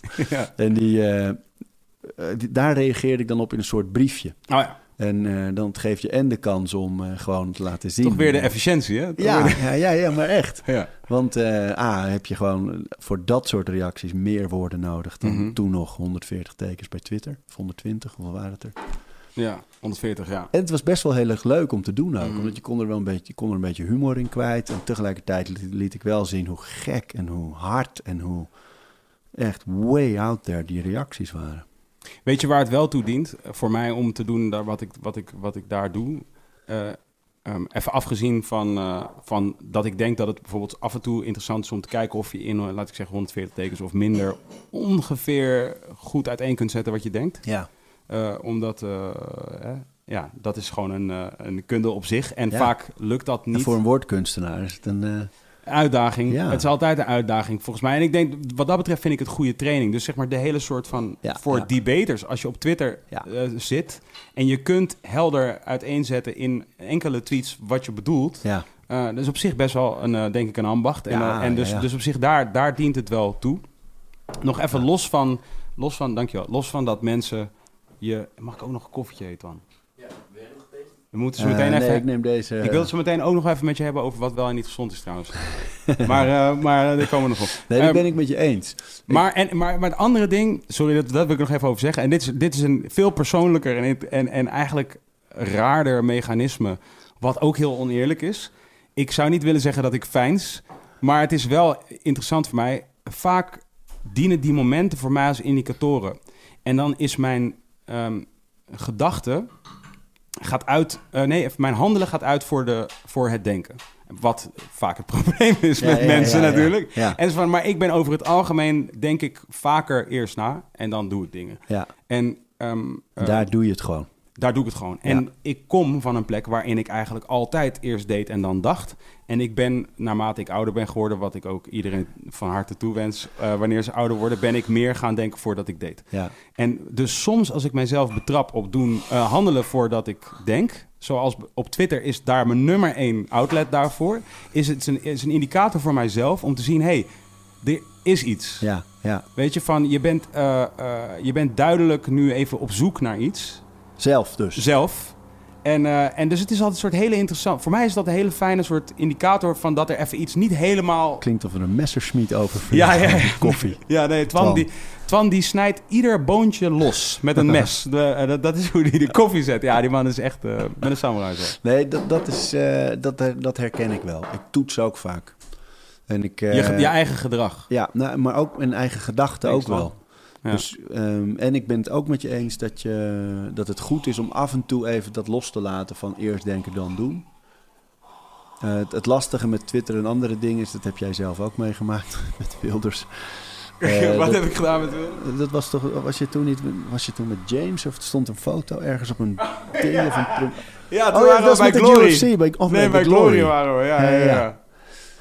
Weet je, en dat, dan roep je iets en, dan, en daarna bestaat het en dan is het vereeuwigd op Het internet. was sick. Het was zo sick. Ja, want ik ben... Ik Wat- ben Hoe ging dat ook? Nou ja, want ik ben natuurlijk niet van de bekendheid waar jij van bent. In de zin van, ik kan gewoon prima... Ik, ik zeg, ik heb 120 uur podcasting online staan... en een goed deel hiervan heb, waren we ook aan het drinken. Ik heb de meest lijpe shit al gezegd.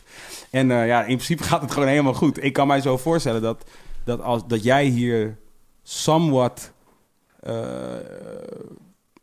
ja, misschien niet na hoeft te denken, omdat je, doet, je praat vaak in, eh, in de publieke ruimte. Dus, dus het is ook wel somewhat of een automa- automatisme, zou, kan ik me zo voorstellen. Maar als je iets, echt iets zegt wat op het randje is, dan eh, heb je kans dat dat ergens in de media terechtkomt. Ja, alleen eh, ik denk dat het juist ook belangrijk is om daar niet te veel Nee, rekening mee te 100%, houden. want anders ben je aan het Ja, fijn. nou maar echt. Ja, nou ja, weet je, alleen het is soms wel... Je merkt wel in interviews tegenwoordig, eh, met name met kranten, is het wel vaak zo dat ze, ze doen je interview en het kan een goed interview zijn en ze gaan altijd ook een paar dingen voorleggen waarvan ze denken, oh ja, maar dat zijn de koppen die mensen naar het Mm. interview terug Ja. toehalen. Ja, En dat zit hem vaak in praten over andere mensen. Ja. Of eh, iets zeggen over iets dat in de actualiteit is. Vluchtelingen, eh, noem maar op. ja. En daar ben ik wel waakzaam. Dus daar wil ik... Soms kies ik er heel bewust voor om iets stevigs te zeggen. Omdat Ja. ik dacht, hier sta ik achter. Ik vind het belangrijk. Ik weet dat het veel... ja, dit is je kop, alsjeblieft. Ja. Dit, dit is ook goeie, een goede voor Ja, mij. Ja. maar ik heb ook wel eens meegemaakt dat eh, na een verbroken relatie... en ik maakte een programma over, eh, over seks en liefde... En die interviewer van Revue toen nog, die zei... eh, wat mis je aan een relatie nu? Dus ik zei, nou ja, gewoon dat je, dat je een team bent, dat je samen, weet je wel... En ik noemde echt allemaal dingen op.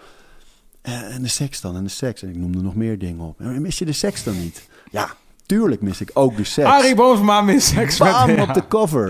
Ja, ja, en, en dan nu.nl, een spits, een telegraaf. En die nemen alleen maar dat over. Dus ja. 90% van de mensen die die kop te zien krijgt... heeft nooit dat interview gezien of gelezen. Of, Maar gewoon alleen die kop. 98. Er Alleen ging, die er, ging, kop. er ging vandaag een, eh, een, eh, een meme rond op social media. Of ik weet niet of je dat dan ook nog een meme moet noemen. Maar er ging een soort verhaaltje rond van een guy. Die had een, er was een foto eh, van een vrouw die borstvoeding gaf in een restaurant. Ja, met die eh, kunt u zelf bedekken. En dat die vrouw een doek over haar hoofd deed. Nee, nee, nee. Oh. nee, nee, nee. Het- fantastisch. dit was, het was heel grappig omdat het zeg maar de, de, de, de gapende social media wond blootlegt. Is dat is een, vrouw, een foto van een vrouw in een restaurant die borstvoeding geeft aan een baby.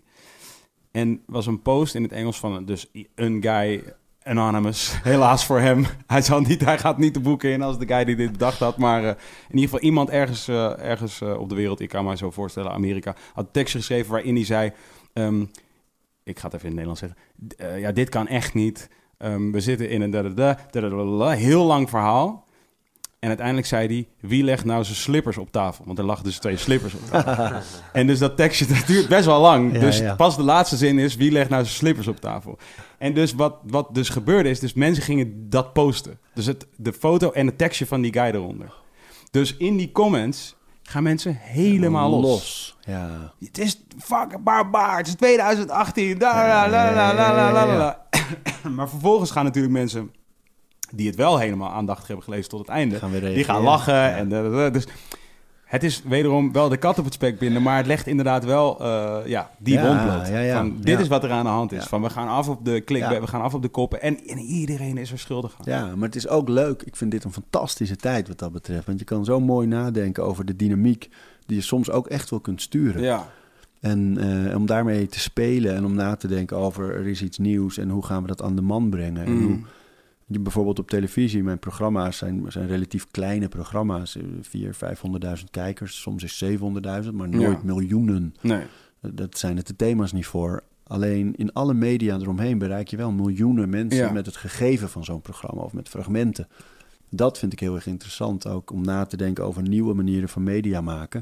Om te kijken hoe kun je ervoor zorgen dat je inderdaad wel die mensen bereikt en iets teweeg brengt, een gedachte of. eh, of, of, of, of- Of gewoon überhaupt het proces van het denken eh, Ja, over ja. het onderwerp. Ja, ja. Of eh, weet je, dat hoeft echt niet altijd te vertalen naar iedereen die dit leest. Gaat dan om half negen op dinsdagavond een televisie aanzetten. Dat, dat is gewoon niet meer zo. Maar Waarom? je kan wel degelijk die, die, die gedachten plaatsen.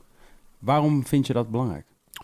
Nou, ik, kijk, ergens zit vast wel een, een diep gegrond Calvinistische kern van eh, dat de dingen ertoe moeten doen. En dat ik, eh, Is bij- dat Calvinistisch? Ja, een dag niet. eh, ja.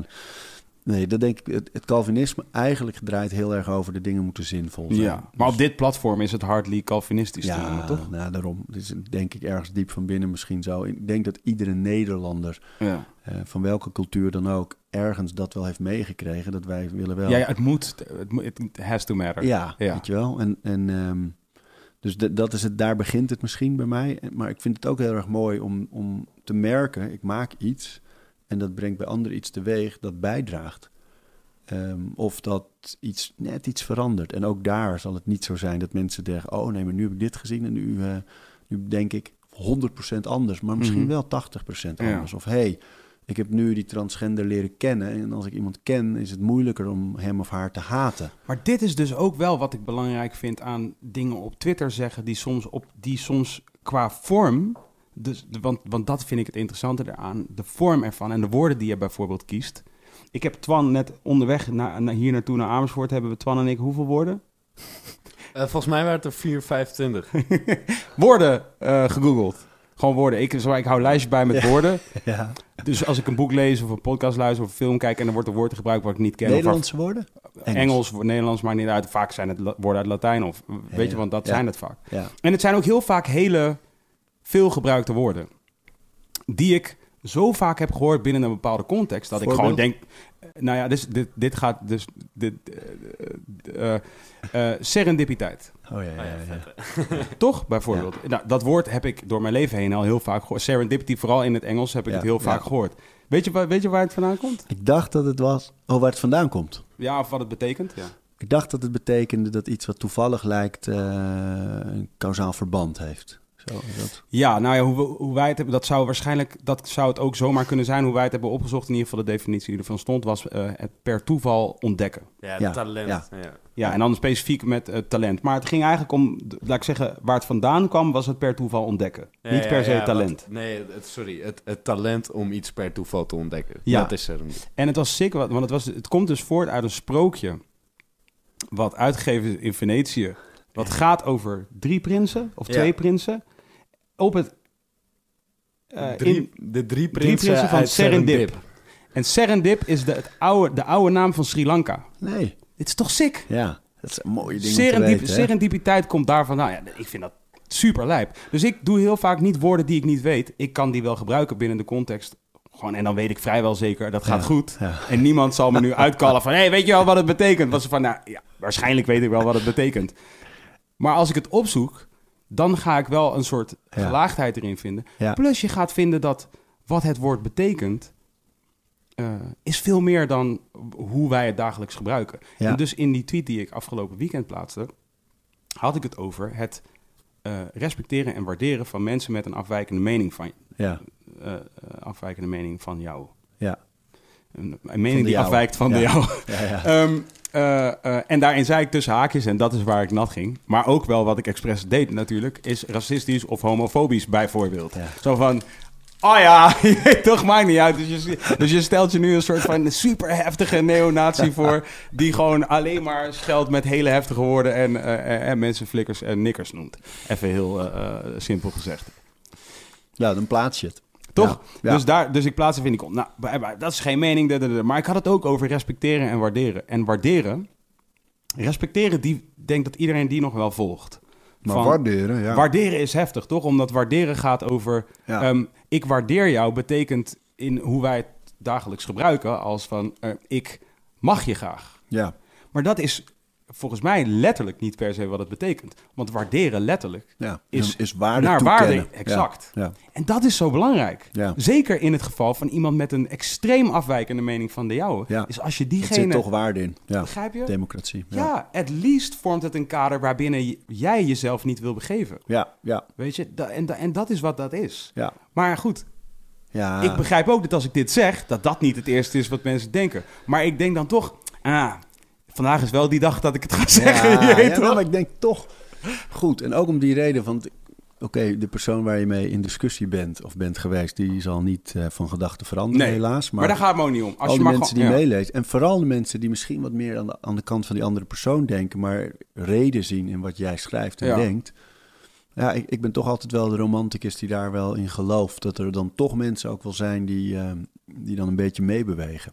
En het is gewoon, het is gewoon wat, want het, het meest voorname wat ik, waarvan ik denk, daar gaat het aan het einde van de dag om, is het is die, het is een beetje die, die eh, eh, ehm, ja, wat jij toen straks zei, dat vond ik heel vet over weerstand, weet je, dat is wat het is. Wanneer je die weerstand voelt, en dus ook als iemand iets zegt waar je het niet, niet mee eens bent, ja, om dat op te zoeken, Ja, dat, is, dat vereist ja, guts. Ja, toch? Je kunt heel makkelijk de hele dag doen. Je kunt heel makkelijk 's ochtends opstaan om 10 uur en een tosti maken, toch? En dan een auto pakken naar je werk en dan gewoon een soort van iets eerder bij je werk vertrekken dan eigenlijk van je verwacht wordt. En dan naar huis gaan en patat eten en weer gaan slapen. Dat is relatief makkelijk, voor iedereen makkelijk. ja. Eh, Laat ik zeggen, in het moment is dat makkelijk. Ja, weet je? ja. je weet alleen wel dat die rekening wordt vooruitgeschoven. ja. En dus in die, en nu ga ik een ander woord gebruiken dat we vandaag hebben opgezocht, allegorie. Hmm. ja. Binnen die allegorie ehm, is het denk ik belangrijk om niet alleen zelf eh, bewust te eten, maar ook andere mensen te laten weten wat bewust eten is. ja. En dus niet, niet alleen maar op Twitter te zeggen: hier heb je patat en hier heb je ding. Want van, natuurlijk gaat iedereen dat eten met dat fijnse waar het over. Alleen het moeilijk is wel aan, social media, denk ik, dat als je dat zou doen en je zou weten, iedereen die dit hoort, heeft die behoefte om Ja. daar kennis over te verzamelen. En die, eh, die vinden zelf ook dat ze anders zouden moeten eten of willen eten, Ja. want ze missen iets of ze hebben niet goede energie of ze Ja, vinden zichzelf niet slank, gespierd, wat dan ook genoeg. Als dat alleen maar de toehoorders waren, was het, dan was het altijd goed. Alleen vaak is het natuurlijk mensen die dan zeggen, ja, daar heb je hem weer met. Nee, want die mensen hebben toch ook weerstand? Dat is Ja. toch ook goed? Ja, maar ik denk wel als het op, op, op dingen die echt over levensstijl aan- gaan aankomt, dat er toch wel erg vaak, eh, dat heb je vast zelf ook, dat je dan op account zit en denkt, ja, open deuren. En eh, Wat met, met, eh, met over gezondheid, Oh, over ja. voeding, over sport, over beweging. voeding is wat dat betreft... Maar voeding is een van de... Als je het dus over allegorieën wil hebben... Van, dat is een van de meest eh, boeiende sport. Überhaupt sport en voeding. Ja. En dan, dus, en dan vechten is eentje wat die ik Ja, natuurlijk super leuk vind. Om, omdat alles zit daarin. Maar in, voeding, in voeding echt. Ja, Want voeding is echt gewoon, je stopt het erin, het gaat er ook weer uit. Er blijven dingen achter. De juiste dingen moeten achterblijven. De, de, de slechte dingen moeten eruit. ja. Een, een, een, een, een sinaasappel in partjes eten is wel goed. Een sinaasappel geperst Zo eten is niet. niet goed. Ja. Is lijp. Dit is, en dit is, dit is echt de perfect metafoor ja, voor wat het leven is. ja. Een sinaasappel is niet altijd een sinaasappel. Nee. Ah, want de sap is anders dan, Ja, en dan dan kan je het sap ook nog lekkerder vinden. Maar het is niet beter voor je. Exact. Nu. Exact. Ja. En dat is het sikke. En ik denk wel dat, zeg maar, eh, het gaat niet per se om het willen dat iemand direct ehm, zegt van... Oh ja, nee, Aria, wat je zegt, Ja. eh, ik snap dat helemaal. Want suikers worden beter, met vezels eh, gaan de suikers er beter doorheen. Daar gaat het niet per se om. Maar ik denk wel dat, het belang, dat, dat als mensen begrijpen van... Oh, maar het komt voor Arie Boomsma ook niet allemaal aangewaaid dat hij is Ja. zoals hij is. Dit is werk wat hij doet. Ja, En dit is dus inderdaad de discipline hebben en, en jezelf vertellen... Het, ik vind het zwak van mezelf om er zo en zo te zijn. Eh, dat is wat hem, hem duwt naar eh, grotere hoogte. ja, Zoiets. ja, ja. Wa- wa- Ik zat ineens te denken, je moet Richard Alet eens een keer uitnodigen hier. Die doet ook wel veel met Casper van der Meulen samen. Richard is eh, van het boek Oersterk. Mhm. Hele goede voedingsdeskundige. En ook echt niet bang om revolutionaire dingen te zeggen. Zoals E- wat? Eten is ontsteken. Ah, de inflammatories. Ja, ja, ja. En over eh, vasten en het tijdstip van je ontbijt. En, eh, Hoe, hoe, hoe, eh, hoe Oké, laten we even... be- be- want dan even over, de, over, de, Ja. over het fit zijn. Wat, wa- hoe... wanneer werd dit... Ja, dit is altijd belangrijk voor jou geweest natuurlijk. Je bent Ja. van basketballen. Ja, ja, want ik ben ehm, zo op mijn vijfde of zo begonnen met voetbal met mijn broers. En later clubs en, eh, en al snel gaan basketballen. De sport was er altijd bij ons. En of het nou in bomen klimmen was of vechten of stoeien. Mhm. Of de sterkste man nadoen als het bij de Tros werd uitgezonden op tv. Of Mm. eh, Rocky en Ivan Drago. Ted van de Parre. Yep. Shout out naar hem. Al die De IJslanders. original, die original eh, sterkste man. En hoe heet die Zuid-Afrikaan ook weer? Wat soort van zijn eh, Ja, ja, ja. arch enemy? Ja, oh, dat weet ik ook niet meer. Nee, ik weet nog wel dat je had al die, die IJslanders op een gegeven moment. Ja, die, die Zuid-Afrikaan was met die baard volgens mij. Nee, nee, nee. Het was een meer een soort kalige guy. Oh, nou, dat weet ik niet meer. Maar wij Twan, je gingen moet het even opzoeken voor me, zo, alsjeblieft. En eh, Ja. toen heb ik op mijn veertiende het eerste Kettlerbankje gekocht. Echt zo'n zo'n zo, ja, zo'n bankje met gewichten. Mhm. Op Voor, je- voor, iedereen die nog nooit in een sportschool is Ja. geweest, dat is een bankje, dat kun je verstellen. Ja, De rug en het zitvlak. incline en flat. Ja. Maar eh, puur op de romantiek van vooral Rocky eigenlijk, de films. eh, waar ik denk dat nog steeds elke jongen eh, de, de trainingssequenties en de gevechten gewoon in die films het mooist vindt. Tuurlijk heb je Rocky verhaal- en Karate Kid. Ja, ja. Karate Kid ook. Maar dat Karate Kid ging meer... Gaat allebei over de underdog die iets ongelofelijks doet natuurlijk. Ja. De persoon waarmee je je wil ide- identificeren. Ja. En dan de hele Joseph Campbell erachteraan. Hero's Journey. Maar ehm, mij sprak heel erg die romantiek aan van het jezelf terugtrekken. Ergens beter in worden. Natuurlijk ook gewoon de hele transitie van een, een, een puberlichaam dat man wil worden. En, en eh, groter en sterker. Maar daar begon het eigenlijk mee. En toen ik, eh, ben ik in Amerika gaan studeren en daar werd het echt in mijn gezicht gedrukt. Overal was gratis, kon ik naar de YMCA om te trainen.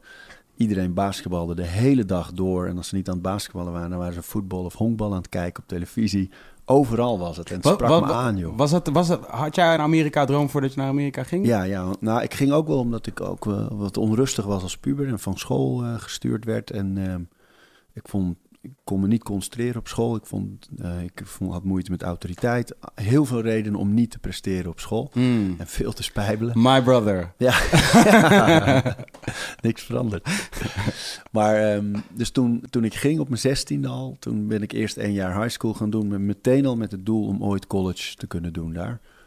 En ehm, toen heb ik met de kijker gespeeld, een beurs gekregen uiteindelijk om daar te gaan studeren. Wanneer was je daar? Welk jaar was je daar?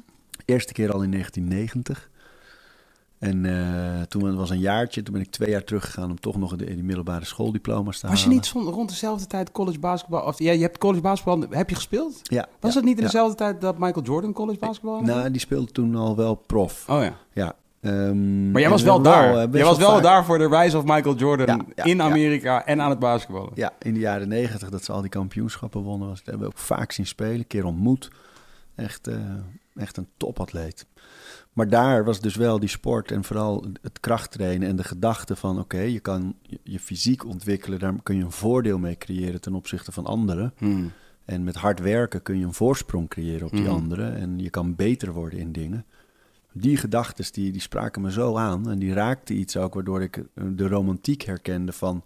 in de regen vrije worpen staan schieten een Mm. uur lang, weet je wel? Met je Zo linkerhand. sick. Zo sick. Ja, Ja. man. Dat- en als je, Als je dan- dat niet, als je dat niet, laat ik zeggen, ik kan want ik, dit heb ik zo, veel, zo lang, ik bedoel, ik heb gebasketbald, Ja, dus zeg maar, en toen ik eh, op een gegeven moment eh, realiseerde dat ik eh, nooit zo lang zou worden als jij, toen ben ik gaan blowen, ken je dat ook? Dat is ook, eh, dat is ook heel vet. Maar, eh, maar inderdaad, ik heb zo eindeloos veel in mijn eentje op pleintjes gestaan en gewoon drietjes schieten, vrijworpen schieten, leeuwpjes lopen, het echt Ja. gestoord veel. En inderdaad, nu als ik eraan terugdenk, denk ik, wat moet dat een romantisch plaatje zijn geweest als jij gewoon iemand uit de buurt was die uit zijn raam keek en mij daar elke dag ja. stinkende best zag doen alsof er iemand stond die mij vertelde dat ik dat moest doen, maar dat was Ja, helemaal niet zo. Nee, Ja. maar dat is, daar is denk ik de kern van discipline. En van geloven in dat je iets kan bereiken. Dat, je, dat er, het lijkt alsof er iemand naast je staat die Mm. zegt doe, doe, doe, maar die is er niet. Mm. Dan ben, je, dan ben je gewoon, ben jezelf. Maar het is zo'n moeilijke vraag als mensen zeggen van... hoe kan ik ervoor zorgen dat ik elke dag... Weet je, waar, vind je de discipline? Ja, beantwoord dat maar eens. Kan je dat beantwoorden? Ik weet niet of je dat kan leren. Ik denk wel dat je ritme kunt leren. En, en dat ritme is wel wind in de zeilen van discipline. Dus je dingen op vaste tijden Mhm. plant. Ja, 100%. En, eh, Wat wel taai, taai is. Ja, ja. Maar ik denk toch... Terwijl ik mijn bar weg hak, Ja, doe maar lekker joh. hakken bar. Ehm, ik denk toch dat het makkelijker is om iets elke dag te doen... dan drie of vier keer in de week. Ja, zeker. Dat je een vast ritme kan Jawel, maar ja. Ik bedoel even een beetje een zwakt bot wellicht, maar als van... eh, jij hebt, eh, jij hebt een sportschool. Ja, Ehm, eh, en, en niet, ik bedoel, de sportschool is voor, laat ik zeggen, voor iedereen die een sportschool kan betalen. En dat kan vandaag de dag al vanaf relatief weinig geld volgens mij. Eh, maar dan nog wil ik niet uitsluiten dat er mensen zijn die Zeker. dat bij wie, bij wie dat niet in het budget past. nee. En eh, eh, want dat, ik weet niet. Denk Maar dat- weet je, het begint altijd met de vraag... wil je dit echt? Ja, En ik denk als je echt het gevoel hebt, oké, ik wil niet op mijn veertigste met pijntjes zitten. Ja. hey, mijn schouders hangen naar voren, want ik zit de hele dag. hey, mijn rug. hey, ik ben moe aan het einde Mhm. van de dag. hey, ik heb, als ik wakker word, ben ik, nog, ben ik ook nog moe. ja. Als je al die dingen niet wil, dan moet er dus iets gebeuren. En er zit altijd in slaap, voeding en beweging. Die drie dingen, daar niks anders is het Mhm. dan die drie. En als je goed slaapt en je zorgt dat je acht uur en, en het lukt je niet elke keer, ja, oké, doe wat je kan doen. En als Nu je hoor ik allemaal stemmen van mensen in mijn hoofd. Ja, wacht maar tot je kinderen hebt. Ja, maar dan nog. Want, eh, wij bijvoorbeeld thuis, ik weet dat mijn dag, die begon eh, altijd zo rond zessen. En nu is het even vijf. En dat is Hm. niet eh, mijn eigen wil. wel. dus er wordt iemand wakker. Maar als ik dat weet en ik wil nog steeds ongeveer acht uur slapen, Ja. ergens tussen de zeven en de acht. Ja, moet je er dus gewoon om tien uur in. Ja, weet je wel. En dat, en dat is kut, want, eh, want iedereen wil altijd maar van die avond afsnoepen, want ik moet nog even dit. Ja. Oh ja, maar nu kan ik eindelijk even dat. Ja. En ja, daar, dat bedoel ik dus met de vraag. Je moet wel echt zelf iets Ja. willen. En dan Weet je, eh, parkeer je auto ver van de supermarkt in plaats van dichtbij, zodat je met die tassen lekker moet lopen. En Neem echt de trap in plaats van de lift. Neem echt de fiets in plaats van de tram of de auto of de bus. Al die clichés, op het moment dat je die omarmt, dan, dan gebeurt er echt iets. En ik denk, dan hoef je geen sportschool in. Zorg dat je elke dag een half uur wandelt, stevig. Dat is al meer dan genoeg voor de meeste mensen. En goed slaapt en eet. Ja, en slaap is gewoon het allerlastigst voor de mensen. En met eten, dan, zeggen, ja, dan is al snel het excuus... het is allemaal zo duur om vers te eten elke Mm, of dag. kinderen. Kinderen is voor, in mij nu, ik ben, eh, ik ben, eh, ik ben eh, eh, 37. een soort van, voor mij, om mij, in mijn omgeving is kinderen een soort van... Wordt, wordt zozeer aangehaald als een excuus voor alles... dat ik me afvraag of mensen het nog wel echt leuk vinden om kinderen te hebben überhaupt. Ja, nou ja, ik, ik denk, je draait het eens om en zie het als kans op heel veel andere dingen. Je tilt een kind wel twintig keer, nou, Ja. misschien wel honderd keer per dag op, weet je wel. Dus Dus je hebt gewoon aan het curlen met je dochter. Gewoon Ja. zo, pap, pap. Ja. curlen, squatten, deadliften, weet je wel. Dus, maar daar, daar begint het al. En eh, kinderen geven je ook de kans om, eh, als je echt aandacht wil geven, gooi alle schermen de deur uit voor je kind. Zorg dat je met ze bent, speel met ze, dan ben je, dan ben je ook al actief. Mm. Neem ze mee naar buiten. En, en nogmaals hoor, ik bedoel, ik heb zeker niet alle antwoorden op dat vlak. En ik vind het soms echt moeilijk om de juiste toon te vinden in opvoedingen met kinderen. Maar ik denk wel, het begint met de vraag of je echt iets wil. En als je echt iets wil veranderen, dan moet je kansen gaan zoeken. En als je kinderen hebt, ja, dan is slaap lastig. Maar voeding vers, ja, voor wie is het belangrijker dan voor een kind? Weet Ja. je wel? Dus het, dat kan echt wel. En, en eh, bewegen, ja, dat, dat hoeft helemaal niet in een sportschool. Weet je, dat kan wandelen, fietsen, Ja. eh, rennen, hardlopen kan overal. Tegenwoordig eh, kun je bijna in, in, in elk, denk ik, een stad met, met meer dan een x aantal tienduizenden Ja. inwoners is er ergens zo'n parkje. Ja, man. met waar je aan kan dingen. trekken en duwen en, hangen. niet. We hadden van die, van die baskets die afgebroken waren. Ja. waren gewoon op- verkeersdrempels. Ja, Dat ja. was het. Gewoon creatief. ja. Je gewoon creatief mee zijn. Ik was gewoon de hele dag kopstoten op een verkeersdrempel. verkeersdrempels. Ja, Twan komt uit Den Helder. Dat is echt een heel ander Daar, verhaal. daar hebben we geen eens verkeersdrempels. Er zitten gewoon baks, er zitten kuilen. Zeiden vrienden van mij uit Den Haag hadden. We hebben En geen drempels, we hebben kuilen. Ja. maar heb je in, denk je dat Amerika, jouw hele Amerika-ervaring heeft, heeft, heeft weggechipt van het Calvinistisch denken? Mm, nou, het heeft mij wel heel erg beïnvloed. Want ik, ehm, wat ik me nu pas eigenlijk echt realiseer, is dat dat hele Amerikaanse gegeven. En ik ken echt de schaduwzijde van Amerika hoor. Dus ik heb ook echt de, de, veel te grote verschillen tussen arm en, en rijk. Mm. De discriminatie die diep, diep, diep geworteld is daar. En, en alle andere nadelen ook echt gezien en ervaren. Alleen de, de, de mooie kanten van Amerika, namelijk het, het bemoedigen van dromen. En zeggen, als jij zegt, ja, maar ik wil, ik wil mijn eigen platenlepel en ik wil rappers eh, Mhm. helpen en ontwikkelen. Dan zeggen En mensen, heel wow. rijk daarvan worden. Nou, zelfs als je dat zegt, zeggen Ja, ze, good for Ja, you, you go Vincent, you go.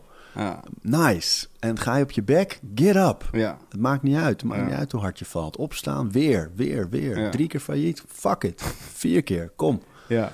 En dat vind ik heel erg mooi. En ook de waarde van, oké, als ik daar wil zijn, als ik dat is mijn doel, dan daar moet ik iets voor doen. Dan moet ik half zes opstaan en trainen. En dan moet ik eh, de tweede studie erbij doen. En dan moet ik de wc schoonmaken om een beetje geld te verdienen. Want dan kan ik, weet je wel, dat dat, dat, dat bemoedigd wordt, vind ik fantastisch. Ja. En dat vind ik, hoewel ik Nederland een heerlijk land, zou nergens anders willen wonen. Maar ik vind in Nederland is het wel heel vaak, dit is het veilige pad. Hmm. Doe maar dit. Doe Dit wat ik bedoel met het soort het, ge- de, eh, het gevoel, eh, de geveinsde veiligheid. Ja, nou dat en dat is zo'n. Het is, ik ben het met je eens. Ja. Want het is niet veilig. Vaak hebben we gezegd dat we het eens zijn. Nou ja, daarom, maar dat, dat is, want het grote probleem ermee, in mijn optiek, is dat, wat ik zeg, het is een geveinsd idee van veiligheid. Het, het- ten eerste, waarvoor zou je veilig moeten zijn? Te- laten we daarmee beginnen. Waarvoor Ja. precies ben je nu veilig? Ja. Wat, wat, heb je, wat heb je geregeld? Ga je Ja. niet dood? Jawel. Ja, Weet je? Eh, gaat er niet iets gebeuren wat je niet hebt aan kunnen zien komen? Jawel, dat Nog gaat ook gebeuren, Ja. toch? Dus van die hele shit. En ik bedoel niet... niet eh, maar en, en dan heb ik het eigenlijk met name over dus de sfeer in het land. Dus niet zozeer eens per se over... Want dat heb ik, laat ik zeggen, verzekeringen en al die shit... eh, eh, is echt een doorn in het oog voor mij. Maar ik begrijp wel dat het, het bestaat, weet Maar je. pensioen bijvoorbeeld, ik, ja, dat heb ik echt al jaren niet meer. Ook niet Nee. toen ik contracten Ja. je bij televisie. ja. Altijd gezegd, ik wil geen pensioen. Exact. Nou, dat is dus de, het geveinsde gevoel van Ja. veiligheid. Maar, maar nu, en, en nu is er volgens mij heel erg... ehm, en dat is één ding wat ik heel grappig vind, waar tussen aanhalingstekens links en rechts, en met links en rechts bedoel ik niet de politieke eh, kleuren links en rechts, of stromingen links en rechts, maar gewoon whomever daar staat en whomever daar staat, eh, het eigenlijk over eens zijn, is er moet een oplossing zijn Ja. voor dit probleem wat we hebben. Weet je? En, en dat bedoel ik ook met van het, een geveinsd gevoel van veiligheid is... oké, we moeten weer... er moet een wet zijn die dit ondervangt. Of Ja, er moet ja. een, we moeten een regel hebben waar we het over eens kunnen zijn. Of Ja. dit, dit zou niet op een, in een krant mogen staan en dit wel. En dit mag die persoon wel zeggen en dit mag die persoon niet zeggen. En bla, bla. Alsof er iets verandert Ja, doordat je de honderdduizend regels opgooit. Dus van, er gaan nog steeds Ja. dingen gebeuren die je niet had aanzien komen. ja maar dit- die, dat geveinsde gevoel van veiligheid is vooral een... eh, nu hebben we een reden om de dingen te zo te doen. Nu, Mhm. nu bijvoorbeeld met die twee kinderen die eh, terug moeten naar eh, Armenië. Dat is een regel, het is de wet, Mhm. dus het gaat gebeuren. Mm. En die gedachte, dat vind ik, dat is zo'n gevaarlijke Mm. gedachte. Van dit hebben we samen bedacht Ja. en vanaf nu is het zo. Ja. Maak geen uitzondering, Ja. ook niet voor kinderen die hier zijn opgegroeid en die de taal spreken en die hun eigen taal in dat land niet meer spreken. Die daar geen schijn van kans hebben om Ja. iets van het leven te maken. in heel veel gevallen met reden hier zijn en überhaupt eigenlijk niet terug Ja. zouden moeten naar een land waar, waar, ze, waar ze waarschijnlijk met reden gevlucht zijn En of dat hun is ouders met allemaal reden dat. gevlucht zijn. Allemaal, die, we, we hebben dit bedacht, want dan weten en, we waar en, we aan toe En dat zijn. bedoel ik met geveinsde veiligheid, is ook dat het een beetje, het is een beetje een godcomplex wat we, wat we creëren met z'n allen. En dat is dat we denken dat we het leven kunnen regisseren in zijn geheel. Alsof we door maar lang genoeg na te denken, kunnen ondervangen dat, er, eh, dat het allemaal goed gaat. Ja, En eh, terwijl, terwijl ehm, ja, einde van de dag. Weet je, en, dat, dit, en, en dit is waarom ik ook bijvoorbeeld dan denk van ja, weet je, consensueel eh, fysiek geweld. ja, wat is er mis met consensueel fysiek geweld? Maar is verboden volgens mij in Nederland. Eh, als je twee mensen op straat die gewoon zeggen van... oké, let's fucking do this. Dat mag niet, weet je? Dat is wel gek, toch? heb je die eh Knuckles heet het, die documentaire, Vlaamse die, eh, documentaire over die pikeys, die Ierse, ja, ja, ja. soort kampers. Ik weet het nooit gezien. Oh, die moet je opzoeken. Het staat volgens mij weliswaar opgeknipt, maar bijna in zijn geheel op YouTube. Oké, over consensueel fysiek geweld gesproken. Nou, maar weet je wat het mooie is? Dan, dan, dat zijn die families die een beetje... En die hebben dan shit en die lossen het op, toch? Ja. Ze sturen hun zoon of een zoon en die andere ook. En die gaan, ja, ik heb het wel gezien. Ik Wat heb Brad Pitt speelt in eh, Ja. Snatch. Snatch. eh, Die, die, Eén van die guys, Ja, die... eh nou ja, in ieder geval... Travelers, zo heten ze. Travelers.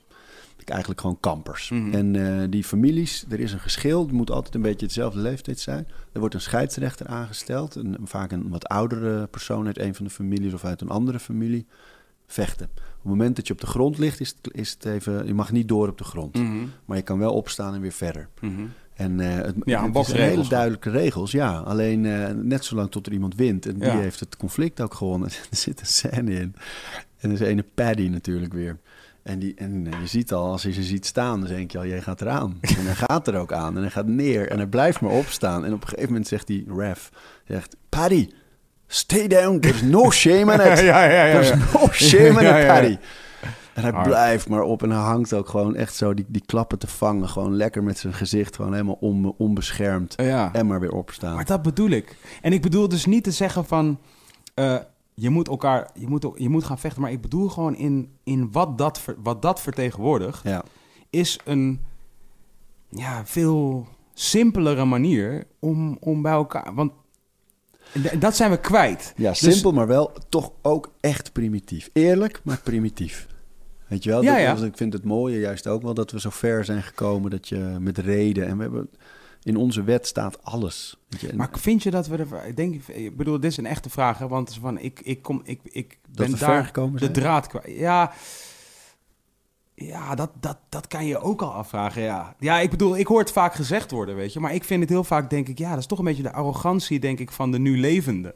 Denk nou, ik, wat, wat ik vind, als ik om me heen kijk, de veerkracht van mensen en dat overal zie je maar weer gaat en dan komt er een crisis in 2008 en daarna bloeit er overal Uber en Airbnb en ik vind dat fantastische dingen Ja. van de. Ik ken iemand in Amsterdam die eh, zit zonder werk Ja. en die verdient nu geld met Airbnb, want die verhuurt zijn eigen mooie groot appartement van voordat hij Ja. zijn werk verloor. En die Airbnb zelf in zijn eigen stad, een, een kleiner appartement, en zo houdt hij meer. Wel, dus zoveel inventiviteit. Dat vind ik heel mooi. Ik ja. vind, Maar is het, is het, ik bedoel, is het veel verder dan, is dat veel verder dan de eerste speer, als je begrijpt wat ik bedoel? ja, In essentie is het, is het Kijk. gewoon toch, eh, ja, het is een tool, het is een tool en elke keer verzinnen we weer een nieuwe tool, maar het zijn wel gewoon tools. ja, En het zijn elke keer tools om een probleem dat weer ontstaan is, Ja. eh, weer te verhelpen eigenlijk. dat is waar, maar dat kunnen we dus nu ook. En eh, ik, ik vind veerkracht en inventiviteit en het feit dat, dat de dingen bijvoorbeeld nu met zelf publiceren en alles. Er zijn heel veel mooie kansen die er eerder niet waren. En wat bedoel je met zelf publiceren? Nou, dat je nu, eh, je kan nu gewoon zeggen, ik heb mijn eigen kanalen, ik kan Oh ja. dingen maken, ik kan, eh, ik Ja. kan de wereld toespreken, ik kan zelf iets, er ontstaan ontzettend veel talenten op, op manieren die vroeger niet ja, iets bereikt zouden kunnen hebben. Dus ik vind daar heel veel voordeel in zitten. En als, als, als samenleving, ja natuurlijk zijn er nog steeds dezelfde problemen over, over arm en rijk, over onrecht, over mensen die de macht hebben en die houden en die liegen en die, en die Nou vijand ja, wilden. maar ook bijvoorbeeld, we hebben, we hebben, we hebben, er zijn, eh, er zijn heel veel mensen. Ja, te veel. Eh, ja, daar kan je in ieder geval over discussiëren. Ik, ik kreeg wel laatst mee dat alle mensen ter wereld passen in de staat Texas. Wist je dit? Nee, is het Nee, echt is, zo? ja, dat het schijnt zo te zijn. Het schijnt zo te zijn dat je als je Het alle mensen... één grote staat Ja, trouwens. Het Maar schijnt dat je alle mensen naast elkaar zet, dat ze passen in de staat. Dit is wat ik hoor. zo. Ik weet dit niet. Dit is wat, ik, ik praat alleen maar na altijd. Maar, maar eh, dat, is wat ik, eh, dat is wat ik ervan begreep. Maar bijvoorbeeld, er zijn dus, er zijn dus heel veel mensen. En die mensen die eh, clusteren natuurlijk op de plekken waar het geld zit. Ja. En daar ontstaat eigenlijk weer dezelfde race Ja. die we al kennen van altijd. Ja. Dus, want, want, want eh, ja, het is, eh, de wereld zit vol. Nou nee, dat is dus niet waar. Je kan overal heen. Je Ja. hebt daar alleen, moet je daar dus inderdaad een speer maken. Ja, want, ja, ja. want je kunt daar niet eten. Je kan niks kopen, want er is geen, e- er is geen, e- er is geen model, Nee, er is nee. geen economie. Dus vervolgens moet je daarheen. Heb je toevallig eh, Dark Tourism op eh, Netflix gezien? Nee. Ja? Jij, jij Twan? Nee, nog niet. Interessant. Het is echt Ja? interessant. Ja, gaat over een, is een, ehm, een journalist uit Nieuw-Zeeland die gaat naar allerlei plekken waar dus mensen aan dark tourism doen. Dat betekent, eh, die gaan naar plekken waar, laat ik zeggen, de dood een, een, eh, een evidente rol speelt in, in de beleving van de plek. Dus bijvoorbeeld Ground Zero is een dark tourism plek eigenlijk. Ja. Want je gaat erheen Ja, om ja, de dood te zien. Ehm, maar bijvoorbeeld, ehm, hoe heet die eh, plek in, in, in Japan waar de tsunami zorgde voor een kern... Oh ja, ja. Of nee? Hiroshima. Hiroshima. De- Nee, nee, nee, de nee. atoombom. Nee, nee, nee. Nee, eh, de... Ja, zoek jij het even op. Want ik Nee, ga- no, eh, Fukushima? tsunami. Heet het zo? Oh, ja. Ja, nu, nu moet je het even... Ja, oké, maar in ieder geval allemaal Daar. plaatsen van eh, mass destruction. Ja. Het wel, je moet het wel even opzoeken. Sendai? Nee. Fukushima. Fukushima Ja, toch? Dat is het, toch? Anyway, daar gaat hij heen. En dan gaan ze dus gewoon daar kijken en dan is de straling, stering ook, bla, bla. Maar er is daar dus ook een eh, eiland en ik haal misschien dingen door elkaar, want ik heb dit gekeken toen ik de hele tijd in slaap viel en weer wakker werd. Eh, met mijn vriendin, dus eh, zij maakte me elke keer... Dit is, een- je moet dit even kijken. Maar toen waren ze op een gegeven moment op een eiland in Japan. Of dus ergens, ja, ergens daar, in ieder geval. Eh, waar, want het is niet een eiland in Japan, obviously. Ehm, waar, waar 5000 mensen woonden op heel weinig vierkante meters. Het was een eiland wat lijkt op deze tafel. Dus een soort schipachtig eiland. Ze noemden het ook de Vessel, volgens mij. Dus dat, dat eiland. En daar woonden dus iets van 5000 mensen op een tyfus klein stukje land. En de reden waarom was, er was daaronder... En dat was in de zee gewoon. En daaronder was een kolenmijn. En daar wonen ze dus met knijterveel mensen. En vanaf dat de dag dat de mijn leeg was... dus dat ze gewoon basically... er iemand naar boven kwam die zei... It's done. Was binnen een week iedereen weg. Wauw. Dat is toch een sick verhaal? Ja, ik vond ja, het ja. zo lijp om te zien. En wat, wat is de stad, eh Twan? Jezus, Twan. Sorry hoor. Nou, maar ik, daar, heb je, daar heb je wel gelijk in hoor. Dat het, eh, het is natuurlijk intellectueel en sociaal is er minder ontwikkeling. Eh, is er meer, als je ziet hoe hard bijvoorbeeld de Nederlandse samenleving ook is als het over vluchtelingen gaat of over gewoon oog hebben voor de mensen om je heen. Mm. En je merkt het in kleine dingen. Want ik- nogmaals, ik vind juist alles met social media en telefoon ook fantastisch. Maar het is wel ook een, een ik-gerichtheid. Dus Mm. dat het, je, het valt wel echt op dat mensen al append over een zebrapad lopen en, eh, of fietsen. Dit wilde ik aan je vragen, eigenlijk al helemaal vanaf het begin. En, ehm, want jij bent obviously gelovig opgevoed. Ja. Ehm, ben je nu nog gelovig? Ja, ja. Hoe rijmt dat voor jou met wetenschap? Totaal. Ja, dat, ik, ik voel daar niet zoveel eh, conflict. Maar op welke manier bedoel ik? Nee, voel je daar helemaal geen conflict? Nee. Nee, kijk, ehm, de invulling van mijn geloof is dat er een God is aan het begin en het einde van alles. Dat we kennen, doen, zijn. Ehm, een onvoorstelbare God ook. En, en dat daar dus binnen ook wetenschap is. Dus ik ben bijvoorbeeld ook opgevoed echt met... Daarom was die discussie, wat is het, acht of tien jaar geleden... zo gek voor mij met de EO, dat het ineens allemaal over de schepping... en dat daar discussie over was ging. Ehm, voor mij is het zo, de schepping, eh, God staat aan het begin ervan, maar daarna is natuurlijk evolutie. Dus Mhm. Dat is wetenschappelijk totaal bewezen en Mhm. dat sluit de Bijbel ook totaal niet uit. Ja. Ehm, Dus daar zou geen discussie over hoeven zijn. nee, zeker niet. Nee, het, is zelfs zeer naïef en dom om, om te zeggen dat dat eh, wel zo is. Dat het echt Mhm. allemaal in zes dagen was en eh, Mhm. dat dinosaurussen eh, lang niet zo lang ver teruggingen. En zo. Mhm. dat, dat is allemaal heel gek als je dat zegt eigenlijk. gebeurt heel veel. Dus dat, dat snap ik al niet. Maar daarnaast wetenschap, ja, dat is natuurlijk ook ontstaan. Ik vind het mooie, juist, van geloof. en daar is meteen ook de vraag mee beantwoord van hoe zit het dan met onrecht en oorlog en ziekte. Er is volledige vrijheid. Weet je, in, het, in de Bijbel is het verhaal zo. Je had het paradijs, het begin eigenlijk ook. Het- De Hof van Eden, daar was alles perfect. Daar was geen goed en kwaad. Daar was eh, Adam en Eva in totale perfectie. Als dat nog steeds zo was, zouden we in een hele saaie wereld leven. Alleen juist door die, de gedachte van die hele zondeval, dat is een beetje theologisch, maar is er een vrijheid ontstaan en een willekeur dat God, de Godpersoon eigenlijk gezegd heeft van ja, vanaf nu is het aan de mens. Hier is die wereld, doe ermee. Ik hoop, Mm. ik hoop dat je het goede doet, eh, maar het is aan jullie. Mhm. Dus oorlog, dood, kwaad, moord, kanker, al die dingen, eh, ja, die zijn er ook. Want er is willekeur. Mhm. God is geen poppenspeler die erboven hangt en zegt, oh, en hier dat en daar dat. Maar is de willekeur der dingen iets heiligs? Nee, dat hoeft niet, vind ik. Nee, het is, het is alleen, kijk, mensen zoeken God op een paar momenten. Meestal als ze zich zorgen maken of bang zijn, Mhm. of eh, dat er oorlog is, of altijd in momenten van crisis. Het is heel moeilijk om aan een geloof vast te houden als er welvaart is en luxe. Mhm. En dat, dat zie je dus ook, want er zijn minder mensen lid van de kerk dan ooit. Dit is wat eh, mensen bedoelen met je voeten op de grond, beide voeten op de grond, Ja, toch? maar ik denk dus dat het een hele goede tijd is. Want deze tijd dwingt je na te denken, wat betekent het Mm. nu? Tuurlijk is het fijn om een soort geborgenheid te voelen als er angst is. De grote uitdaging toch van deze Ja. tijd is: kun je nog wijs worden? Want die, want die, het is heel makkelijk om het niet. Het is heel makkelijk eigenlijk om het niet te zijn. Ja, ja. Want, nu... die uitdaging is er niet per se om het te worden, omdat de kwaliteit van jouw bestaan is er, lijkt er niet meer zo afhankelijk van als dat het ooit was, denk ik. Precies, precies. En, ehm, maar en, en, en wetenschap, kijk, als je dat als, als een soort eh, angstig fenomeen gaat zien, dat, dat dus tegenover geloof staat, ja, dan is het een gekke tijd. Terwijl ik denk juist, nee, laten we blij zijn dat de mens evolueert en dat we slim zijn en dat we dus dingen kunnen bedenken en Mhm. maken en dat we mensen die in het geboren, verkeerde lichaam geboren zijn daarmee kunnen helpen en dat we misschien wel kunnen klonen en zo. Dat is fantastisch. Ja, dan vind je dat fantastisch, zo klonen? Man. En niet, ik zou mezelf niet willen klonen. Maar dat het kan. Ja. Of dat je, stel dat je een kind hebt met kanker en, je, en er kan gekloond worden. En dat Ja. het- dat je- ik vind dat hele mooie, omdat het de, de kracht van de mens. Dus ik denk Maar als je heel het- eerlijk bent, dan, dan zou je, als je Jezus, de verhalen over Jezus goed leest, dan zou je dat een ultieme humanist kunnen noemen eigenlijk. Ja. En dat, dat vind ik een mooie gedachte. Jawel, maar nu zitten we dan wel gewoon en dus even advocaat van de duivel. Grappig eh, eh, Ja. uitdrukking in deze context. Maar ehm, eh, wat je net ook, wat je eerder al aangaf, is ehm, eh,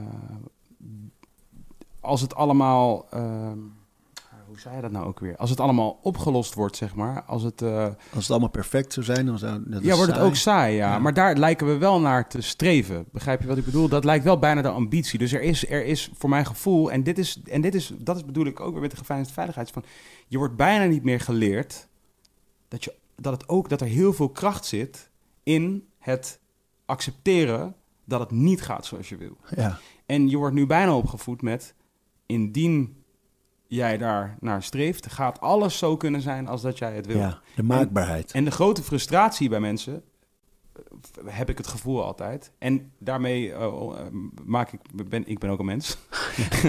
Voor jouw informatie. Hey, hey. Ja, ehm, lijkt te zijn, het gaat niet zoals ik wil. En daarom, en dat is de schuld van die en die en die en die en die of mijn iPhone 9. Ja. Ja, zeker. Dat is de maakbaarheid van het bestaan. Ja. Die wordt ook overal bevestigd, lijkt het. En eh, dat, dat trekt helemaal door in dat mensen gelukkig moeten zijn. En als je het niet bent, ga je gewoon twijfelen, doe- doe ik het wel goed dan? Want Ja, ik heb niet dat wat zij hebben. En hey, ik zie hier op Instagram dat die is daar en die is daar Ja. en die doet dit en zij ziet er zo uit. ja. Het is heel moeilijk om je daar buiten te plaatsen. En ik denk wel dat, dat Het wordt des te lastiger om te kunnen accepteren, Ja. eh, toch? En dus inderdaad die wijsheid, die volgens mij, naarmate je ouder wordt... Ik vraag dit ook echt, hè? Jij bent, eh, ja, 44. je bent zeven jaar ouder dan ik. ik weet niet hoe ver je al bent, maar ik acht je een heel wijs persoon. A- als, je, eh, als je ouder wordt, dat hoop ik altijd... denk ik altijd van, oké, waarom je wijzer wordt als je ouder wordt... is je hebt meer meegemaakt. Ja, Je hebt moeten omgaan met de, met de pieken en de dalen. Ja. Alles. En, en een jong persoon heeft dat gewoon nog niet. nee. Dus die heeft die wijsheid nog niet nee. in pacht. Soms heb je een oude geest in iemand. Dat je Ja. wel voelt, Ja, er zit meer dan je leeftijdgenoten. ja, maar diegene weet dat niet. Want Nee. dat weet alleen die oude Ja. vrouw of man. Ja. Want, want, want die persoon is nog te jong om te weten dat Ja, zij of ja, hij ja. dat is. Ja. Toch? Ja. Dus, dus, en, dus je moet dat meemaken. En, ik, en je gaat het ook meemaken. Want je gaat het 100% mee. Hoeveel apps er ook bedacht worden, hoeveel we onszelf Ja, wel ja. kunnen klonen, je gaat het 100% meemaken. Ja. Maar er is bijna een soort ehm, verbolgenheid nu, als je zoiets meemaakt, naar de wereld toe. Ja. Snap je wat ik bedoel? Ja, dat Dus- het en niet dat perfect is, dat het niet gaat zoals je bedacht exact. hebt. En dat bedoel ik Ja. ook een beetje met, Ja. zeg maar, de racist waarderen. Gaat gewoon nog een keertje zeggen. Kan, we, gaan twee, we zijn 2,5 uur aan het praten. Maar is, is gewoon van... Het geeft me ook de... eh, de, de, de, de, ja, dus, nou, de weerstand eigenlijk... eh, die ik nodig heb om te leren over mijzelf... Eh, weet je, en, en, en over mijn plek in deze wereld. En, de, en het geeft mij de keuze om erin te zijn zoals ik wil worden. Ja, Weet je, of zoals ik wil zijn. ja, Eh, ehm, eh, meer dan dat ik er slachtoffer van ben. Want dit is het, eh, een ander ding op Twitter. Dus je bent direct Ja. een slachtoffer als je überhaupt hebt over racisme. Dat is, dat, is, dat is volgens mij niet wat het is. Van, het is meer, het geeft je de gelegenheid. En dit is natuurlijk makkelijk praten voor iemand die... Ik ben nog nooit een heel... Laat ik zeggen, ik ben, mijn, mijn vader en mijn moeder leven nog. Mijn zus leeft. ja. Snap je? Mijn vriendin. En zo van, ik heb over het al- algemeen wat dat betreft... heb ik best, best wel in de prijzen gevallen. Is niemand ziek nu. Ehm, eh, weet je, dus, dus wat dat betreft valt het allemaal mee. Maar bijvoorbeeld... Mijn hond is dit jaar, de, eerder dit jaar overleden. Wat voor mij een soort van de erg, een van de ergere sterfgevallen. eh, en laat ik voor de record, afgezien van familie. Maar zeg maar, eh, Ja, ja. maar zo van, dat heeft me echt heel, heel, heel veel gedaan. Maar eigenlijk vanaf het moment dat, ik gebeurde, dat het gebeurde, wist ik... Oké, dit gaat... Dit, gaat een, dit is een defining... Dit is een defining moment in mijn leven, weet Ja, je? Dit is ja. een, een pivotal point, zoals de Amerikanen Ja, het noemen. ja. Weet je wat ik altijd leuk vind, want het zit in basketbal. Ja, het pivot. Kun je alle kanten toch? op. En, eh, ja, precies. Dat is echt precies wat het is, toch? De pivot foot. Van oké, dit is het punt. Nu kan ik kiezen. Ga ik links of ga ik rechts? Ga, ik, ga ik dit traumatisch wat ik nu meemaak... Gaat dat, gaat dat leidinggevend zijn eh, Ja. in mijn leven? ja. Eh, de, de, de verkeerde kant op of de goede Ja. kant op? En ik weet, ik weet het misschien ook niet. Nee, dan zie je mensen met mineur echt gaan sleuren soms. Dat ze blijven klaar. Waarom Medicijnen- dit? Waarom is dit het niet? Waarom, ja. Weet je, Ja. eh, eh, medicijnen, maar ook toegeven. En, en, ook, Ja. en ook die soort die, die dekentjes die dan over elkaar heen worden getrokken. Met van, oh, kom maar hier, Netflix kijken. Dit, snap je wat ik bedoel? Terwijl ik denk van, nee, maar dit is je moment. Dit is your time to shine. Maar dat is mooi. Mensen hebben het altijd als het over stoïcijns gaat, dan Mm. denken ze dat het bedoelt dat je geen emotie eh, toont. Mhm. Dat is een beetje de uitdrukking geworden. Terwijl die hele stoïcijnse stroming in de filosofie is hartstikke, die gaat totaal hierover. Dat is eigenlijk van als er iets gebeurt, bijvoorbeeld wat je zegt, de de dood van eh, een, een dierbare. Ja. De hond is een hartstikke dierbare relatie. Ja, Of een mens, wie dan ook, de dood van een dierbare. Daar, op het moment dat het gebeurt, is er ruimte voor treuren, voor huilen, voor woede. Voor, Mm. weet je, die moet er ook zijn, Mm. zeiden de Stoïcijnen. Maar daarna, als je die emotie vol beleefd hebt, dan moet je ook rationeel kunnen bepalen. En nu is het klaar. En nou ga ik verder. ja. En, maar dat kan alleen maar als je echt getreurd hebt. En door wat jij nu schetst, wat, wat ik herken, Dat mensen zo bezig zijn, nee, het moet perfect zijn. Ja, Dus ja, ik post een, een dramatische tekst op Instagram Mm. dat, ik, dat ik je zo mis. En, Ja. en ik zeg ook je, terwijl je leest het niet. ja. Maar, ehm, ja. maar ik doe het toch allemaal Ja. en dat- dat is mijn treur. En, en, ik ben, aan- en ik ben aan het delen en dat is heel positief. Ja. Waar- waarmee ik niet wil zeggen dat het niet positief is om te delen. Maar waar ik wel mee zeg is van... Steek niet nog een chocoladereep in je mond, nu even. Weet je, van dit is wel het... Van, ja toch, van... Ik, wat ik voelde, zo van, ik ben echt een, eh, ik ben echt een jankert wat dat betreft. Ik ben best wel een jankert. Van, ik kan heel erg bij mijn vriendin echt een fucking kleuter zijn. Weet je, gewoon van. maar einde van de dag weet ik en zij ook. Ik ga wel opstaan, ja. Ja. 100%. En ik ben ermee bezig ook. Niet, Ja. niet, niet, niet alleen in mijn... En dus nu, weet je, dit is ook niet wat ik zou zeggen van... Weet je, start, I have Tiger Team. Maar gewoon wel van, dit is wel echt een bewuste... En dus de reden waarom... En daarom, dat vond ik ook vet. En dat je zegt van, weet je, kwaad worden is zwak. En dus bijvoorbeeld iets zwak noemen... Wat ik altijd graag doe... eh, omdat zwak niet in de, in de zin van... Je bent een zwak mens of zo. Nee, Maar wat je nu doet is, wel zwak. actie. Ja, precies. Ja, ja. En het is niet, het is niet dat jij, jij bent er niet meteen een zwak mens mee. Het geeft je de mogelijkheid om het ook niet te doen. Ja. Weet je, zo dat is het, Want je moet het wel eerst een keer doen. Wil je kunnen bepalen dat je ook iets anders kunt doen. Ja, Maar als je niet, niet op dat moment herkent... hé, hey, ik ben nu zwak. ja, Wat prima is om te doen. Want zwak, laat ik zeggen, in de, in de, in de, volgens de jungle-wetten... weet je, zwak. Van oké, nu ben je, je bent of, hey, je- ja, en dan ga je eraan. toch? Ja. Nu word je gechapt. Ja. Of je moet nu zorgen dat je een schuilplek vindt, herstellen.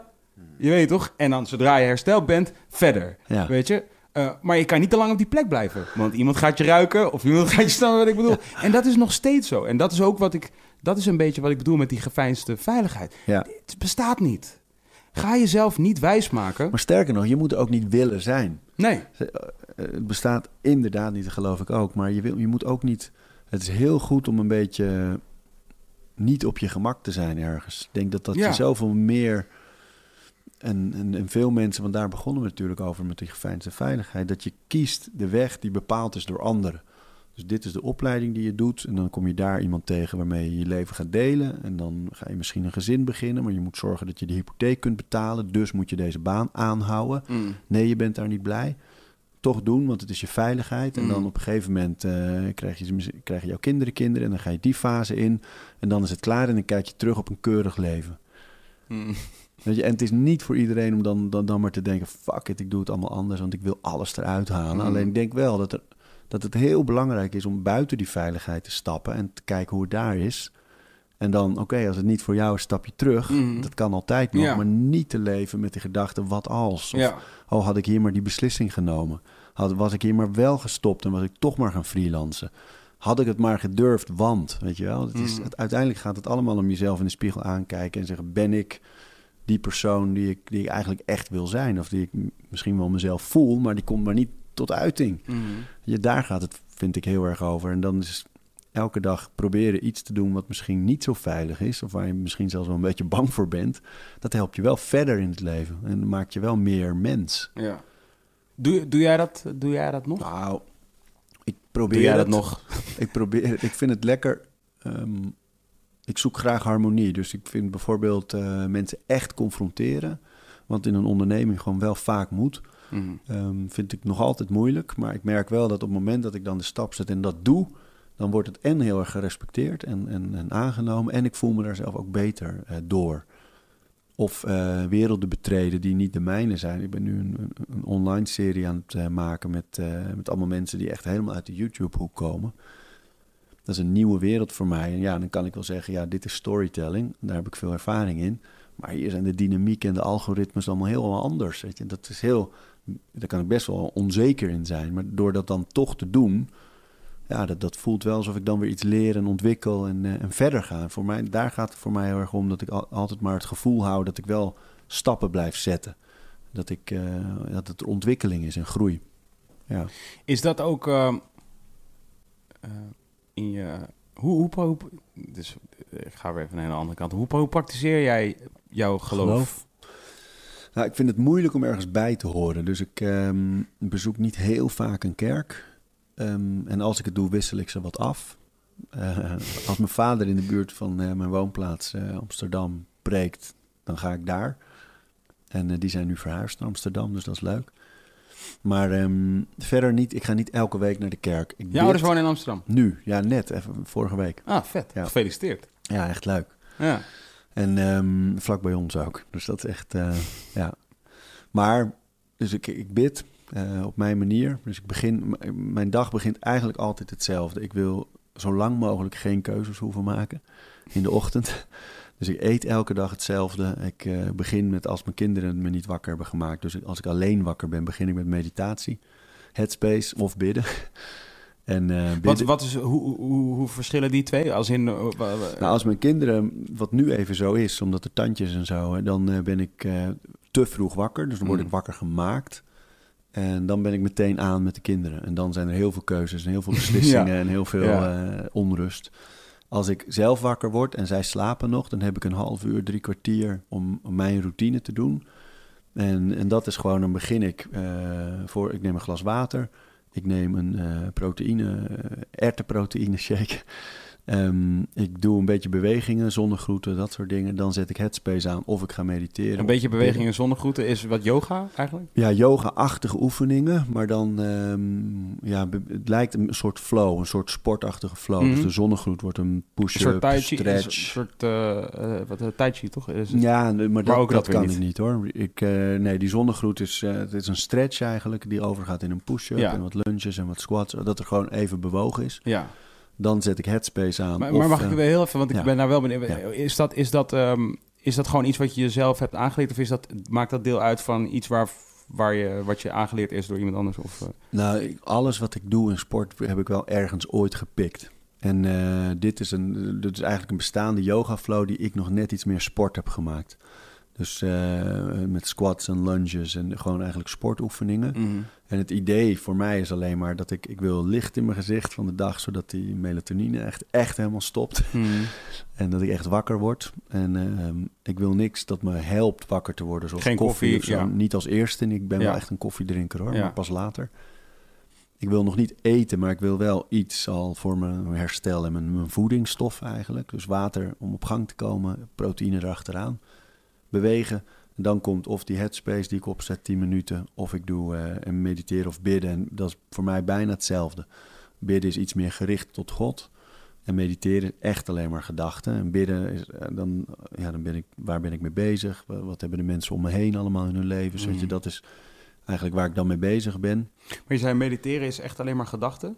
Ja, mediteren, dan probeer ik eigenlijk eh, mijn gedachten te volgen. Dus ik, eh, ik doe mijn ogen dicht. Ik luister naar de omgeving, voor zover dat er is in de ochtend. Probeer die geluiden, en dan ga ik intern, dus ga ik echt naar binnen. Hoor ik mijn eigen hartslag, hoor ik misschien voor mijn gevoel mijn bloed bijna ruisen, weet je wel. En dan ga ik gewoon denken aan de dag. Dus dan komt er een gedachte van, oh, ik moet, ik moet dit vandaag doen. Probeer ik af te maken, volgende gedachte.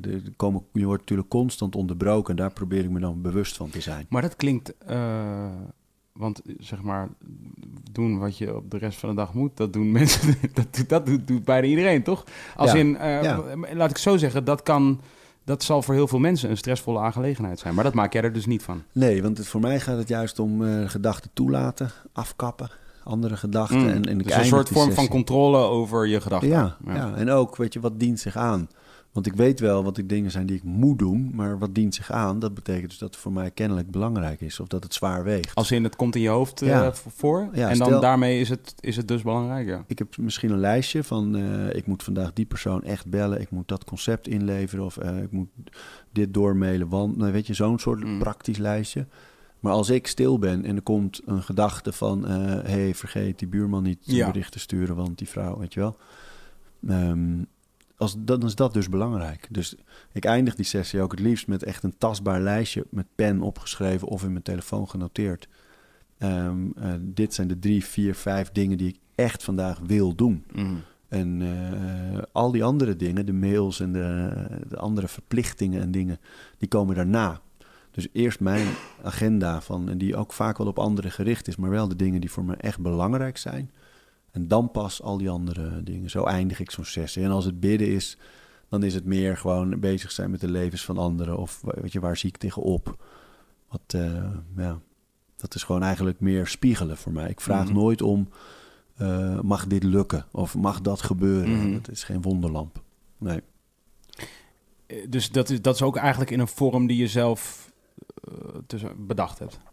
Het bidden zelf. Ja, maar voor mij de meeste dingen, ik, ik bedenk het, dingen bij het geloof niet, niet, niet zelf eigenlijk. Eh, ik destilleer ze wel uit Ja, wat ja. ik lees en zie. Ja. Dus als ik in Is daar een naam voor eigenlijk? Ik kan me zo voorstellen dat dat best wel een, een, een movement is. Ja. Dat- zoals jij het nu omschrijft, van daar, Ja. ook dat herken ik heel erg. En daarvan denk ik van, ah ja, oké, dus ik denk, ik kan me zo voorstellen. Je hebt, al eerder, bijna wel. je hebt eerder Russell Brand genoemd. Ja, Die weet ik, van hem weet ik ook dat hij dit doet. ja. Eh, eh, volgens mij zijn er wel meer mensen wereld die, in de wereld die inmiddels, denk ik, laat ik zeggen, vormen van yoga, ja, bepaalde type sport, ja.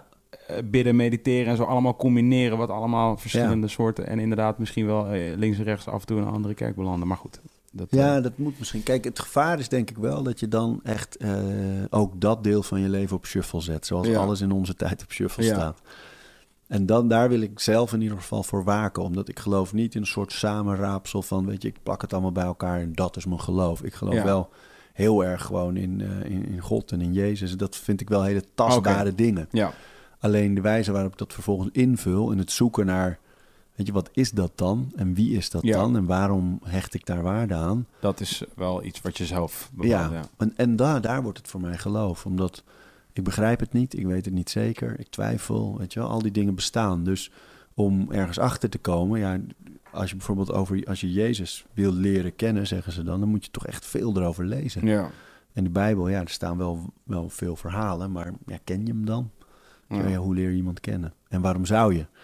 Dus dat, dus dat is eigenlijk meer waar mijn geloof echt geloof wordt. En verder is gewoon de gedachte, vind ik een hele hoopvolle gedachte, dat er iemand of iets is aan het begin en het einde van alles. En dan bedoel ik niet eeuwig leven hoor, maar gewoon Ja. wel iemand die wel snapt hoe het allemaal en waarom het allemaal zo gaat. Ja, ja, ja. En die misschien wel meer dan goed en kwaad en wit en zwart heeft. Misschien zijn er wel zes schakeringen in zijn realms, weet je wel. ja. Dat vind ik allemaal fascinerend. Wij hebben eerder, ik heb eerder in deze podcast nu denk ik, ehm, nou zeker drie, maar misschien wel tien mensen gehad die dus, eh, want dat is natuurlijk ook een generatieding denk ik, opgevoed zijn, dus religieus opgevoed zijn. En daarna eh eh, afvalligen werden. Ja, ja, ja, ja Ehm, vaak. vaak. ehm, en vervolgens een, een enorme hang hebben gekregen naar wetenschap. Valt mij op. Ja. Ehm, eh, hoe, ik bedoel, ik denk dat de verklaring is op zich wel logisch, want je zei eerder al, hè, dat, dat wordt ook soms gezien als twee, als twee uitersten. Ehm, eh, maar hoe is, het bij jou, hoe, is het bij jou in hoe is het bij jou tussen aanhalingstekens in stand gebleven, denk je? Ja, omdat ik eh, probeer in- in alles van mijn leven toch altijd te blijven vragen. En eh, op het moment dat je dat met geloof doet, is het levend. En ik denk wat veel mensen doen, en vaak juist in opvoeding. Maken het rigide of... Ja, ouders weten het ook niet natuurlijk. Ja. Dus die zeggen, doe dit en doe dat. En, en je moet zo bidden en we gaan zo vaak naar de kerk. Dan ben je gelovig. En dat Mm. is natuurlijk niet zo. Niet alles dat in een auto staat, is, of in een garage staat, is een auto, weet je wel. Zo simpel is het niet. Maar op het moment dat je vraagt, dan ben je weg uit de veiligheid. Want er is twijfel. En want zit het wel zo? En waarom, wat is dit voor gekke tekst? Dat soort... Maar dan is het wel levend en dan is het wel in beweging. En dan wordt het tastbaar. En ik, ik merk dat als, als je het helemaal stript naar de kern... en het zou zo zijn dat, dat de enige opdracht voor een gelovig mens is... anderen lief te hebben en anderen te leren kennen... Ja, ja dat is iets heel moois. Hmm. En ehm, als je op, op die manier gaat beleven, dus weg van dit mag niet en dat mag niet en je moet zo. En wat dat betreft lijkt het heel erg op de hele cultus rond gezondheid. Op het moment dat mensen gaan zeggen je moet zus en je mag dat en in twaalf weken dit en dat regime zo eten, dat is niet goed. Maar aandragen, vragen stellen, proberen je eigen weg te vinden in iets dat, dat, dat goed is en mooi. Ja, dat is heel waardevol. Dus zo is het voor mij wel. En ik tijd genoeg. met mijn- Ik heb ook broers en een zus. Mijn zusje is nu net Joods geworden, maar die allemaal ook niet zo gelovig zijn. En eh, dus ja, voor mij is het gewoon altijd blijven zoeken. En ook wel zien waar het waarde kan hebben. Dus het hele gegeven van Ja. naaste liefde vind ik prachtig. Ja. Of, eh, of eh, van ja, eh, behandel mensen zoals je zelf behandeld Ja. wil worden. Weet je, dat zijn mooie waarden. En die komen op veel meer plekken terug hoor. Dus het is echt niet alleen maar dat geloof. Maar ik word altijd heel blij van... eh, vergeef me voor mijn zonde zoals ik hem vergeef die zonde Ja. tegen mij, vind ik heel hard. Ja, Ja. Het werkt heel goed. Ja. Als in, het is een hele heldere ja. eh, toch? Het is heel helder omschreven. Dit is echt werkzaam. Kaal, ja. Van, Echt mooi. Als je, als, je, als, je, als je dit aanhoudt als iets en toepast, Ja. dan werkt dit. Ja, maar ik denk dat het vooral ook in zit om, om niet de wetenschap als vijand te zien, maar juist als heel mooi product van de ontwikkeling van de mens. Ja. En, Nee, eh, dat, ik, heb, ik heb ook... Nou ja, trouwens, dat is natuurlijk niet waar. Ik wilde zeggen, ik heb ook het gevoel dat, dat het meer mensen zijn die, eh, die de wetenschap aanhangen... en dus vervolgens religie afschieten. Maar dat is helemaal niet waar. Het is andersom natuurlijk net, zo, net zozeer. Ja, Het is alleen dat ik denk dat in mijn omgeving er toevallig meer mensen zijn... die een hang hebben naar wetenschap dan een hang naar eh, Ja. religie. ja, Eh, en, dat er men, en dat er een grote groep is die er denk ik eh, niet per se heel erg over nadenkt. Maar het is, het is specifiek één iemand met wie, ik, met wie ik deze discussie veel heb gehad, is Tim Hofman. ja, omdat hij. ja, wat ik er dus interessant aan. Wat ik gewoon onverminderd interessant vind aan iemand als hij. Is dat hij. En, en hij is ook perfect voor eh, in mijn eh, bestaan. Omdat hij is gewoon iemand die bekend is. Dus hij vertegenwoordigt in die zin ook een groep. ja, Weet je, en hij is ook echt de soort stem van een groep eh, jeugdigen op ja, dit moment. Ja, Ehm, eh, maar hij is ook op zich wel openlijk, vind ik. hij staat heel erg open voor om, om die gesprekken te voeren. ja, Dus wij praten eigenlijk bijna. Wij praten heel weinig met elkaar. Maar als we wel praten met elkaar, is het meteen altijd dat soort shit. Ook gewoon Ja. over de app bijvoorbeeld. ja, Van, eh, met de meeste mensen WhatsApp je hele simpele ja, shit. En met hem eigenlijk nooit, ja. Het is gewoon, eh, ik van het weekend dus, Twitter, ging ik op Twitter dat bla bla bla, bla. Ik zie hem één tweet liken, toen appte ik hem, wat vind jij dan? En toen ging ik meteen gewoon, rrr, gewoon even zo daar erin. En, en gewoon, maar ook echt gewoon zo er weer uit. Ja. Eigenlijk helemaal niks. We Ook, en dat vind ik ook vet. Maar dat is ook een soort respect ding, vind ik. ja, ja, ja, Toch wanneer je er Ja. ook in en uit kan, Ja. zonder alle formaliteiten. Zeg maar gewoon maar van, kunnen we heel, oké, laten we heel even sparren. ja, Je weet toch? klaar. Ja, toch? Gewoon, oké, dankjewel. De- later, weet je? Niet, niet soort van, hé, hey, maar eh, en eh, hoe, is het met je, hoe is het met je boek? Nee. Je zo van, Nee, Oh ja, man. ja, weg toch? met de small gewoon talk. in en uit. Gewoon. Ja, joh, ja. Ja. Dat, oh, dat wil ben je, ben je, zou je, beschouw jij jezelf een, een alfa-mail? Poeh. Dat weet ik nooit zo goed. Omdat veel van de eigenschappen wel. Ik wil graag winnen en ik wil... eh, Je haat zwakte. nou, nou. Vind- Zwakke mensen nou, weet moeten dood. Ik vind kwetsbaarheid weer heel mooi. Arie Boomsma, zwakke mensen moeten dood. Nee, yes! De vorm van zwakte, als je Ja. een podium hebt om verantwoordelijkheid te nemen en goede, en mooie en waardevolle dingen te doen en dat niet te pakken, dat vind ik zwakte. Ja, Eh, maar zwakke mensen of eh, kwetsbare mensen vind ik juist weer heel, eh, heel interessant Zijn en heel sterk. mooi. Ja, en ook sterk. maar ja. dat is de ironie van, van sterk en zwak, Ja. toch? Is dat het ligt in elkaars verlengde Weet je wat het gewoon is? Ik vind het gewoon jammer als mensen niet hun, potentie. ja, hun potentie gebruiken of hun, hun kansen gebruiken om. en dan gebruik ik wel eens het woord zwak van je, weet je wel, je moet ook durven jezelf dienstbaar op te stellen of Ja. risico's te nemen of iets te doen wat niet populair is. En eh, succesvol te zijn zonder dat het om de lof gaat. Weet je Mhm. wel? Dat, dat is denk ik belangrijk. Maar echt. Ja, en, en, en daarin geloof ik dus dat het... En dat vind ik wel leuk aan het Amerikaanse is... omdat daar, of je nou gelovig bent of niet... zit er in de taal een heleboel verwerkt... wat die richtlijn in geeft. Dus God-given talent bijvoorbeeld. Ja. Vind ik een interessant, interessante manier om het te stellen. Ja. Wij hebben dat niet echt. Nee, nee wij zijn... Ik had het daar met, met mijn moeder no, notabene over. Die, eh, over dankbaar. De Mm. term dankbaar. Mm. Ik vind... eh, ehm, eh, Ernst-Jan Fout heeft een heel leuk boek geschreven over... Dat heet ook gewoon het, het boek van dankbaarheid. En dat gaat helemaal over dat fenomeen. En dat het iets heel positiefs en waardevols is om daarmee bezig te zijn in je Mhm. leven. En dat het heel veel goede dingen teweeg brengt. Maar toen zei mijn moeder, ja, dankbaar ben je wel altijd natuurlijk aan iets of iemand. Je kan niet zomaar dankbaar zijn voor een glas water of zo. Ja, dat is toch een soort... Je hebt een entiteit nodig. Ja, ja. En je kan, ik kan jou dankbaar zijn voor een leuk gesprek. Of, Ja. of Twan voor dat het allemaal een goede baan is geleid.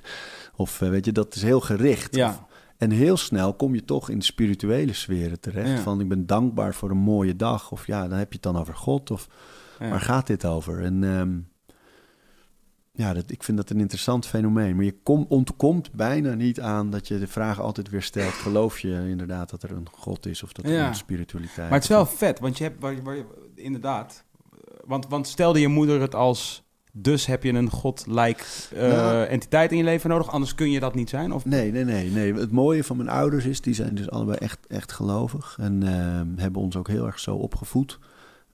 Wel altijd ook op de boekenkast gewezen. En op de andere er waren ook altijd mensen over de vloer bij ons... vanuit Mhm. allerlei hoeken van de samenleving en de wereld. Maar die zijn heel mooi eh, meebewogen zonder water bij de wijn te doen. Dus nog steeds is dat geloof het fundament van hun leven. Maar ze zullen nooit zeggen, zo is het. Ja, ja. En zo moet het. En Ja. oeh, je doet dit fout. Of, eh, Dus het is altijd heel open. Zij vraagt zich dat dan gewoon echt af. En als zij dankbaar is, bijvoorbeeld dat het goed gaat met mijn broers, dan is ze echt dankbaar aan God. Ja. Ja, maar dat bedoel ik ook. Het is een praktische, het is een hele praktische manier. En dat is ook weer vet om dat praktiseren, dat zit daar weer in. Ja, van, ja. Maar het is een hele praktische manier om dankbaar te kunnen zijn. Ja, Dat is wat ik bedoel van, eh, is dat ook hoe zij het instak? Want dat kan ik mij namelijk heel goed voorstellen. Zo zou ik het uitleggen aan iemand. ja, Van, je, je hebt dat soort calibratiepunt nodig of zo. ja. Eh, Zoiets, ik weet niet of dat het goede woord is. Maar in ieder geval, je hebt een soort, je hebt iets, je hebt iets nodig. ja, maar weet je wat ik er moeilijk aan vind? Kijk, als je dankbaar bent voor iets moois aan God, Mm. dan kom je toch ook bij die andere vraag eh, over, over de, de minder leuke dingen in het Ja. leven. Van als je even niet dankbaar bent of niet blij en er is oorlog en dood en een, een verkrachting. Is daar dan ook God, weet je wel? En dus daar wil ik altijd Nou ja, dat zeggen, voor toch- mij is die willekeur en die Ja. vrijheid. Maar dat is toch zoals eh, dat eh, je kunt volgens mij, en dit, dit is natuurlijk altijd wel heel erg glad ijs, vooral als je, maar laat ik het even dan, als ik het op mezelf betrek niet, want dan mag ik het gewoon zeggen. Maar ik ben in die zin dankbaar voor het overlijden van mijn hond, omdat ik weet dat het mij einde van de dag een rijker mens maakt in ervaring. Eén, ik weet dat de reden dat ik verdrietig ben is omdat mijn hond veel voor mij betekend heeft. Ja, Eh, dat is één. Dus dat is gewoon iets heel simpels, eh, wat ik gewoon wat een en een is twee. Je kunt alleen maar verdrietig zijn over Ja. iets dat je, dat je, dat je, eh, waar, je, waar je waardering voor had. ja. En, en, ehm, en ten tweede biedt het mij de mogelijkheid dus om, eh, om, om bijvoorbeeld deze keer, tussen aanhalingstekens, beter met mijn verdriet om te gaan dan een keer daarvoor. En weer een nieuwe, van spreken, een nieuwe soort benchmark te zetten voor Ja. dit is hoe ik deal met mijn verdriet. En de Ja. volgende keer ga ik het nog beter doen. ja. Weet je, ga ik nog minder vaak verzanden in zagrijnige buien. Ja. Ga ik eh, nog minder, eh, want ik ga het een plek geven en ik ga er, weet je, ik ga er helder in zijn. Ik ga Ja. praten met mensen die, om wie ik geef en die weten hoeveel mijn hond voor mij betekend heeft. Of de volgende keer. Maar dan ga je het echt aan. Begrijp je wat ik bedoel? Van, en, en, en dus in die zin, ja, mag je dankbaar zijn voor de mindere dingen in je leven. Ja, Weet je van, want, want als je, als je, als je, en, en, en op geen enkele manier wil ik hier dus zeggen dat, nee hoor, nee, als je kind overlijdt aan de, de, de, de- want ik begrijp, de- weet je, tot de dag dat ik zoiets meemaak, ja, eh, durf ik, eh, ga ik er niet over oordelen en durf het niet te zeggen. Maar voor mijzelf in de dingen die ik heb mee heb gemaakt die vervelend zijn geweest, als je me nu vraagt, had je het liever niet gehad? Ja, waarschijnlijk wel, zeker op dat moment. Ja. Eh, maar het heeft me wel een sterker mens gemaakt. En inderdaad andersom, in de tijden dat het allemaal relatief goed gaat of makkelijker, dat zijn de momenten waarop ik uitdij. ja. Letterlijk. Ja, ja. Is het de, want de, de laatste keer dat ik bijvoorbeeld eh, dat ik fit was op het niveau waar ik dat wilde zijn, eh, waar ik ook echt dacht van ah, nu ben ik wel, eh, nu ga ik echt voor lekker. Dat was eigenlijk na een periode waarin ik dat echt nodig, zeg maar, waarin ik dacht ik moet mezelf nu bij elkaar rapen om wil ik, weet je, wil ik ja, weer ja. functioneren. En eh, ja, zo extreem dat ik dus meteen daar ook echt heel goed in werd. En eigenlijk wanneer ik, eh, toen het allemaal beter ging, met alles over het, over het geheel genomen, eh, dan is het veel moeilijker om die discipline op te brengen. Dat is echt zo, ja. ja. Maar ja, dat maakt het ook mooi eigenlijk dat er dus iets is wat jou kan helpen met dat omgaan met dat soort dingen. Weet je, of het nou Ja. sport is, geloof, beide, mensen om je heen. Ja, en ik denk ook wat anderen vaak doen, dus op het moment dat je zo'n drama toch meemaakt, of eh, dood in welke vorm dan ook om je heen, eh, en je zet het op een zuipen of drugs, of dat is natuurlijk in 100% van de gevallen vluchten en verdoven letterlijk verdovende Ja. middelen, weet je wel. Dus, Ja. dus alles wat je eigenlijk voelt, stop je weg. En dat is zo'n tegenstrijdige gedachte eigenlijk, dat je denkt, nee, je moet verdriet en, en, vrij, en blijdschap moet je juist vol aangaan. Natuurlijk kan het leuk zijn om, eh, om flink te drinken en eh daar zit ook een romantiek in. Ja. Maar niet om om te gaan met, eh, met, met teleurstelling of verdriet. Is Hoef echt- jij het, want jij, jij, zei, jij zei net van eigenlijk wil ik de eerste, de eerste, het eerste uur van mijn dag helemaal niet nadenken. min mogelijk Zo min keuzes, mogelijk. ja. Wat ik echt, wat ik, dat is echt best wel een gouden tip. Heb, heb je ik dat, dat een vraag. Heb je meer gouden tips? Wat zijn de, wat zijn de gouden... Ja, Harry Boomsma. Oh, een lijstje, sorry. is Zwak, hè, dit. Nee, nee, nee. Ja. Nee, weet je, die is heel erg om... eh, je merkt zelf, op het moment dat er veel dingen in je leven spelen... dan eh, is, er, is er ook gewoon minder ruimte in je hoofd. En mensen zoals Steve Jobs en zo... die elke dag die, die zwarte kooltrui aantrekken... het is- het is om Mhm. die reden. Mhm, Daar wil ik niet over, ook nog over na hoeven denken. mhm. Ik wil niet ook nog nadenken over welke soort cereal ik in mijn ontbijt doe... en welke vruchten ik allemaal nog toe ga voegen... en Ja, wat voor kleren ik aan ga doen. Ja, ja, En allemaal, al die beslissingen, dat is allemaal ruimte in je hoofd. Dus hoe, hoeveel je daar, hoe langer je dat vooruit kan schuiven, hoe helder je je denkt en hoe meer je dan giet je je dag eigenlijk gewoon in een heel sterk fundament. Ja, Dat vind ik eh, er mooi aan. En, en, en andere tips. Ja, ik vind wel, ik denk wel dat telefoon voor de meeste van ons, eh, dat je schrikt. Je hebt nu apps die eh, je schermtijd bijhouden. Daar schrik je echt van, hoeveel Ja. dat is. Alles bij elkaar, hè.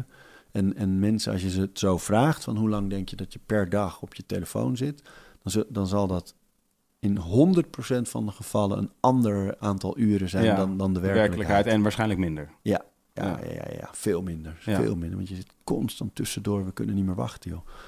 Dus dat is denk ik wel één Maar de tip om- is dus leg de telefoon weg. Maar, Nou, ja, of kijk, kijk even, eh, die kreeg ik van Wouter de Jong van het boek Mind Gym. Trouwens ook een leuke gast voor deze podcast. Ehm, en die zegt, kijk altijd eerst op je, op je klokje van je telefoon hoe laat het is als je iets gaat doen. Ja. Altijd. Dus dat je ook weet, oh ja, want anders ben je dan ergens van Oké, bewust al. en dit is dus wel, dit is, dit is dus iets waar ik, ik, ik wil niet zeggen mee worstel, maar wat ik wel leuk vind om mee te experimenteren, op zijn minst, is dus dat, want eh, dit is Ricardo Semler, je Ricardo Semler? Ja. Oké, dus vind ik het een toffe guy. Ik heb dit al eerder in een podcast gezegd. Ik, ik kies altijd een soort van twee mensen in een eh, ehm, decennium. Ja, ja. Daar hang ik dan mijn leven even helemaal aan op. Dat is hij en Conor McGregor nu. Zo, dat soort, oké, twee mensen. Goeie combi. Eh, dat is niet helemaal waar. Maar in essentie kies ik wel altijd soort een paar helden. Dat is gewoon handig, weet je. Over efficiëntie gesproken.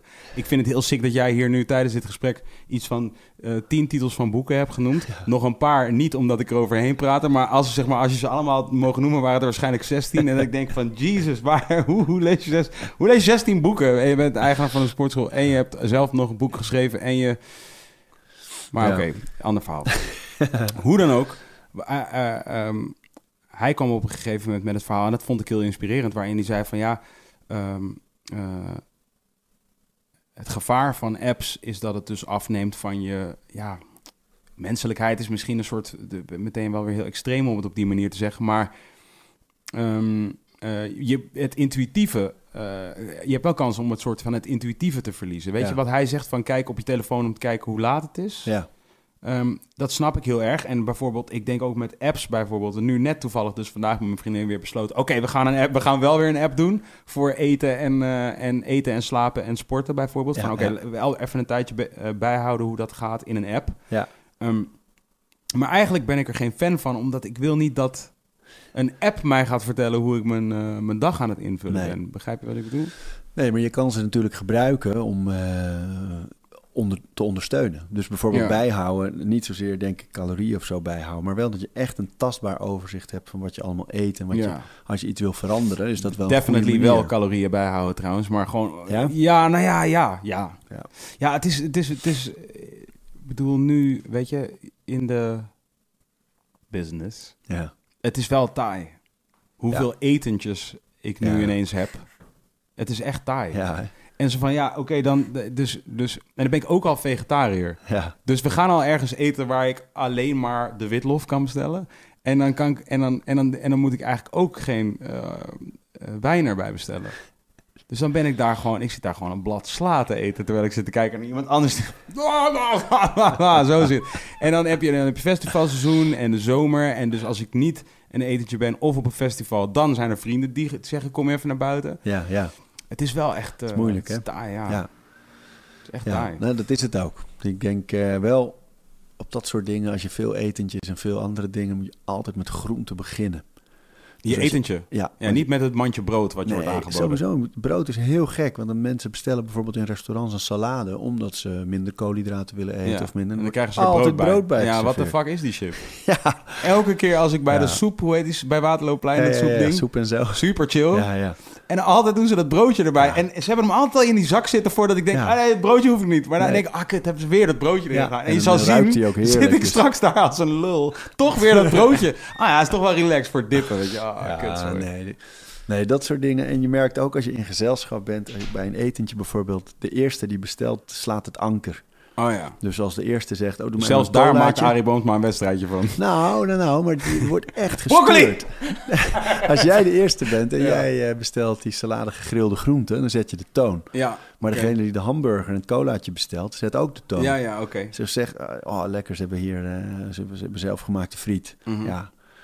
Maar ook daar weer, weet je, je moet het alleen maar doen als je het echt wil. Ja. Als je heel erg van zelfgemaakte friet houdt en van grote bakken mayonaise, ja, dan... Nou, maar ik, kan niet, ik denk niet dat er iemand is die oprecht kan zeggen... Kijk, je kunt wel houden van een bak friet met mayonaise. Definitely. Ik bedoel, dat, is van, dat, is gewoon wat het, dat is gewoon wat het is. Maar ten eerste, als je dat uit je dieet krijgt... dan mis je het ook niet meer. Zoals elke, tussen ja. aanhalingstekens, bad habit. Dat, is, hoe het, dat Ja. is gewoon wel hoe het is, aan het einde Ja, van de dag. ja. En je kunt, ik bedoel... Er zijn, er zijn weinig mensen, zeg maar, die, eh, die, die, die, die van een niveautje jouw broer zijn. eh, Ja. Wat betreft eh, fysieke prestatie, of wat ze in ieder geval eisen van zichzelf. Ja, Die zullen zeggen, ja, en ik eet elke dag patat met mayonaise, want dat vind ik nou eenmaal lekker. ja, Weet je, maar de mensen die zeggen, ik hou nou eenmaal van pizza, zijn, zijn de mensen die over het algemeen niet de, de Ironman Nee. drie keer in hun leven gedaan nee, hebben. Dus-. Dus daar is een duidelijk patroon. En de andere. ehm, eh, dus dus je, vindt je vindt het niet meer lekker als je het er eenmaal eh, uit hebt gehaald. Ja, die behoefte is veel sneller weg dan je denkt. Ja. En daarnaast is er nog iets anders wat ik wilde zeggen, maar ik ben het, alweer, ben het weer vergeten. Dat is ook wel weer een soort risico ervan. Nee, is dat, is dat als je eenmaal, als je eenmaal op, dat, eh, op dat andere ding zit, dan, dan, dan zit je daar gewoon in. En ik denk, oh ja, dat is dus, want je zei het over, je moet het wel echt willen. Ja, En willen is ook een interessant woord. Ehm, willen.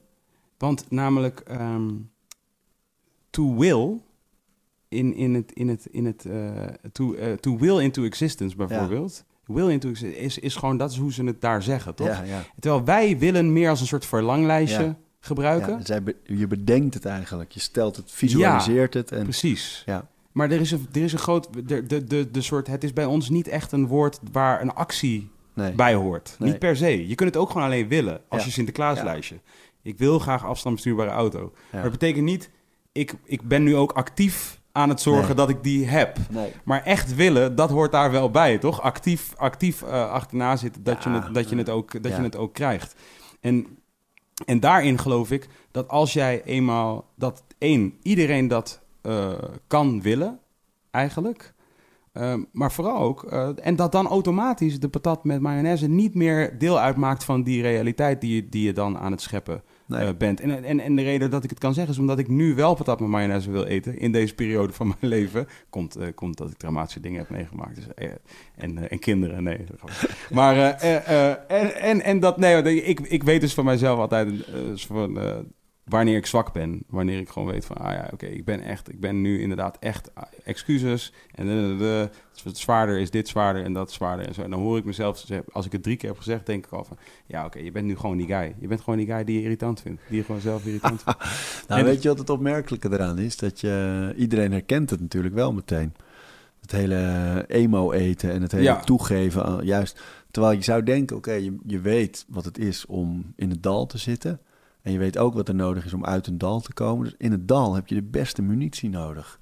Ja, Dus eigenlijk is het, zou het omgedraaid moeten Mhm. zijn. Van ik, ik zit nu in dat dal en dan moet ik uit zien te komen. Dus ga ik goed eten, dus ga ik bewegen, dus ga ik op mijn slaap letten. Want dan ben ik snel sterk, veerkrachtig, Ja. optimistischer, productiever, niet Ja. ziek. ja. Ja, want dat is het ook, toch? Je wordt, je wordt die, die sterke persoon Ja, waar- die, je, die je graag wil zijn, dat is echt die persoon. Ja. En dat is, dat is, het is zo'n lijpe... Het is, ja, begrijp je wat ik bedoel? Want het is zo lijp om te verkopen. Kijk, jij, laat ik zeggen, wat, wat ik denk dat, dat lastig is voor anybody om aan te nemen van Arie Boomsma dat, dat, dat zij of hij kan worden zoals Arie Boomsma is, omdat Arie Boomsma is wie Arie Boomsma is. Zo van, jij bent een bijna twee meter lange, super fitte man van 44 en wij kennen jou alleen maar als een super fitte man. Ja. Dus, dus, dus vanaf dat we jou voor het eerst zagen eh ramenzemen, overigens, heb ik geleerd. Ehm, eh, vanaf, het, eh, vanaf het moment dat we jou voor het eerst zagen ramenzemen op televisie, Ja. tot nu ben jij altijd fit geweest. Ja. Dus voor iemand die ofwel schommelt, ofwel eigenlijk altijd niet fit is geweest, Ja. die zal denken, ja, maar Arie, Ja. ik ben niet die persoon. Maar dan heb je het over, en dat is zo interessant als het gaat over media en beeldvorming, dat je je kan je, kan je identificeren met iemand die eh, inderdaad precies is zoals jij en die jouw traject heeft, meege, ja, graag, heeft meegelopen. Dus oké, jij bent daar geweest, dus ik, ga, ik geloof jou. Maar wat ik zelf bijvoorbeeld heel vaak doe, en wat jij dus kennelijk ook doet met de twee helden die je net noemt, thanks, is dat je kijkt naar wat heeft die persoon wat ik kan leren of wat ik kan, Mm. how can I pick your brain? Wel, wat kan ik van jou meenemen? Want je doet bepaalde dingen goed. Ik hoef lang niet alles. Jij hoeft niet alles van Conor McGregor, weet je wel. Nee. Het zijn hele gekke uitspattingen en gekke... Dat maakt hem interessant, maar die hoef je niet zozeer zelf. Zeker niet. Maar andere dingen wel. Ja. En, en, en zo kijk ik in ieder geval heel graag naar allemaal andere mensen. Dat ik denk, hé, hey, maar dit is mooi.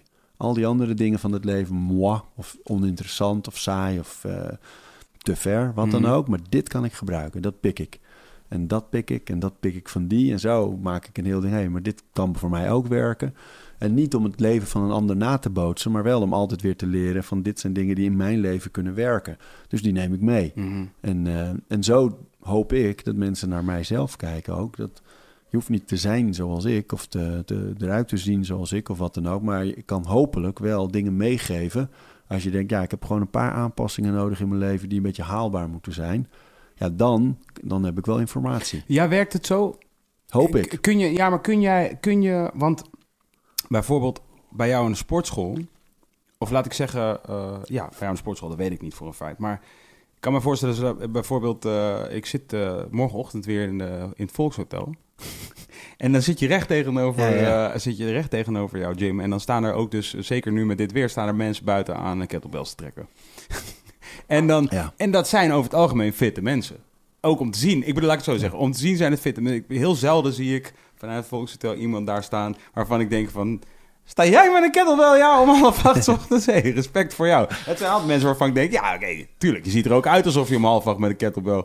eh, voor de Ja, om half acht denk ik wel, ja. Aan maar eh, er zijn tussen zeven en elf de hele dag door allerlei lessen. Ja, oké. Dus niet je- iedereen, ja. Nou, weet je, we hadden, ik heb toevallig ehm, vorige week een, een sessie belegd met mensen die van het begin af aan lid zijn bij ons en mensen die nog maar een paar maanden lid zijn.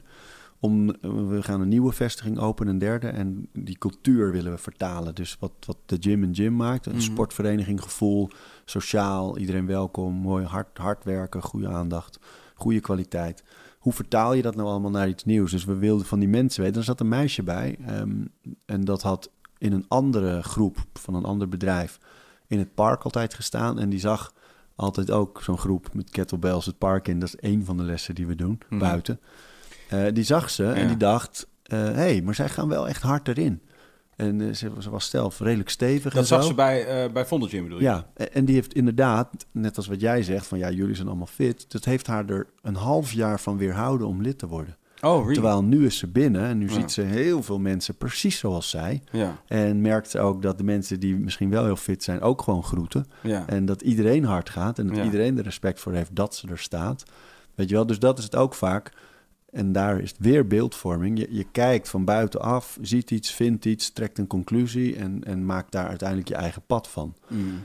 En ik hoop altijd dat, en dat bedoel ik ook met uit die, die comfortzone stappen, dat als dat je beeld is en je hebt toch ergens kennelijk een behoefte om wel iets te doen, dan moet je er toch eens gaan kijken. En dan moet je toch eens naar binnen lopen en dan moet je toch eens gaan toetsen of jouw beeld goed is. Al, Ja. Als je wil. Ja. Je kan het ook zo houden en dat doen de meeste mensen natuurlijk. Ik vind hier dit van dat blijft zo. Ja, ja, ik nam net weer even een beetje een flauwe bocht de verkeerde kant op. Want wat ik eigenlijk wilde zeggen is... eh, eh, geloof jij dat je... dus jij bent een eh, middle-aged man Ja. die een, een fulltime baan heeft, twee kinderen, Ik ben jou aan het omschrijven. Maar nee, oké, niet, niet jij, iemand anders. En hij woont in Amersfoort en... ehm, en, ehm, en weet ik veel. Komt één keer in de week ook nog wel bij elkaar om FIFA te spelen met zijn vrienden en zo. Maar zo van, eh, dat, dat is een beetje zijn, Ja. eh, dat is een beetje zijn bestaan. En inderdaad, hij zegt nog hardop, ik wil sowieso, eh, weet je, op vrijdag eet ik patat met mij. Dat Ja, is wat ik doe. En, en, en op zaterdag ben ik ook bier aan het drinken. Dat is ook sowieso wat ik, dat is 100% zeker wat ik doe. En, en door de week wil ik ook gewoon soms toegeven aan, aan mijn urge om een, bij het tankstation te stoppen om een broodje en een kaasbroodje te eten. Zoiets. Ehm, eh, ik, oké, laat ik het zo zeggen. Kun je, kun je die persoon zijn en eh, door te sporten eh, twee keer of drie keer in de week, eh, is, dat een, is, dat een werkbaar, is dat een werkbaar model? Ja, kan. Ja. Wel moeilijk hoor. Ja, precies. Dat is, wat, dat is waar ik naartoe wilde. Want dat kan eigenlijk. Dat is wel Nou, de, eerlijke, de eerlijkheid, toch? Ja, en je moet ergens... Kijk, mensen doen altijd alsof iemand anders met een pistool op hun hoofd staat te zeggen dat ze moeten gaan sporten. Ja. En het is alleen maar voor jezelf en voor de mensen om je Ja. heen. Het zijn natuurlijk ook die mensen die eigenlijk zelf weten dat zij de Ja. persoon zijn met dat pistool op hun En eigen ze hoofd. willen eigenlijk dat je zegt, hier, hier heb je een boekje. En er staat precies in wat je moet doen. Het is een soort geheim, niet doorvertellen Ja, ook. Je kan helemaal Zo'n dieet zitten zoals je tien wil. kaasbroodjes per week zitten erin. Ja, en als je, maar als je de rest dit doet, Ja, ja. dan ben je heel safe. Sixpack ja, ja. het strand ja. binnen zes maanden. Dat is er niet. Nee, toch? Weet je wel? Het is een geduldig pad. Alleen ik denk wel, het begint met de gedachte dat wat je eet is je energie. Mhm. En wat, de eet, wat je eet is je huid. Wat je eet is hoe je, hoe je straalt. Hoe je, Mhm. Dat is allemaal eten. Mhm. Dus als je weet, oké, als ik shit eet, dan, dan voel ik me shit en dan zie ik er shit uit. En, eh, dat is gewoon het eerste kenmerk.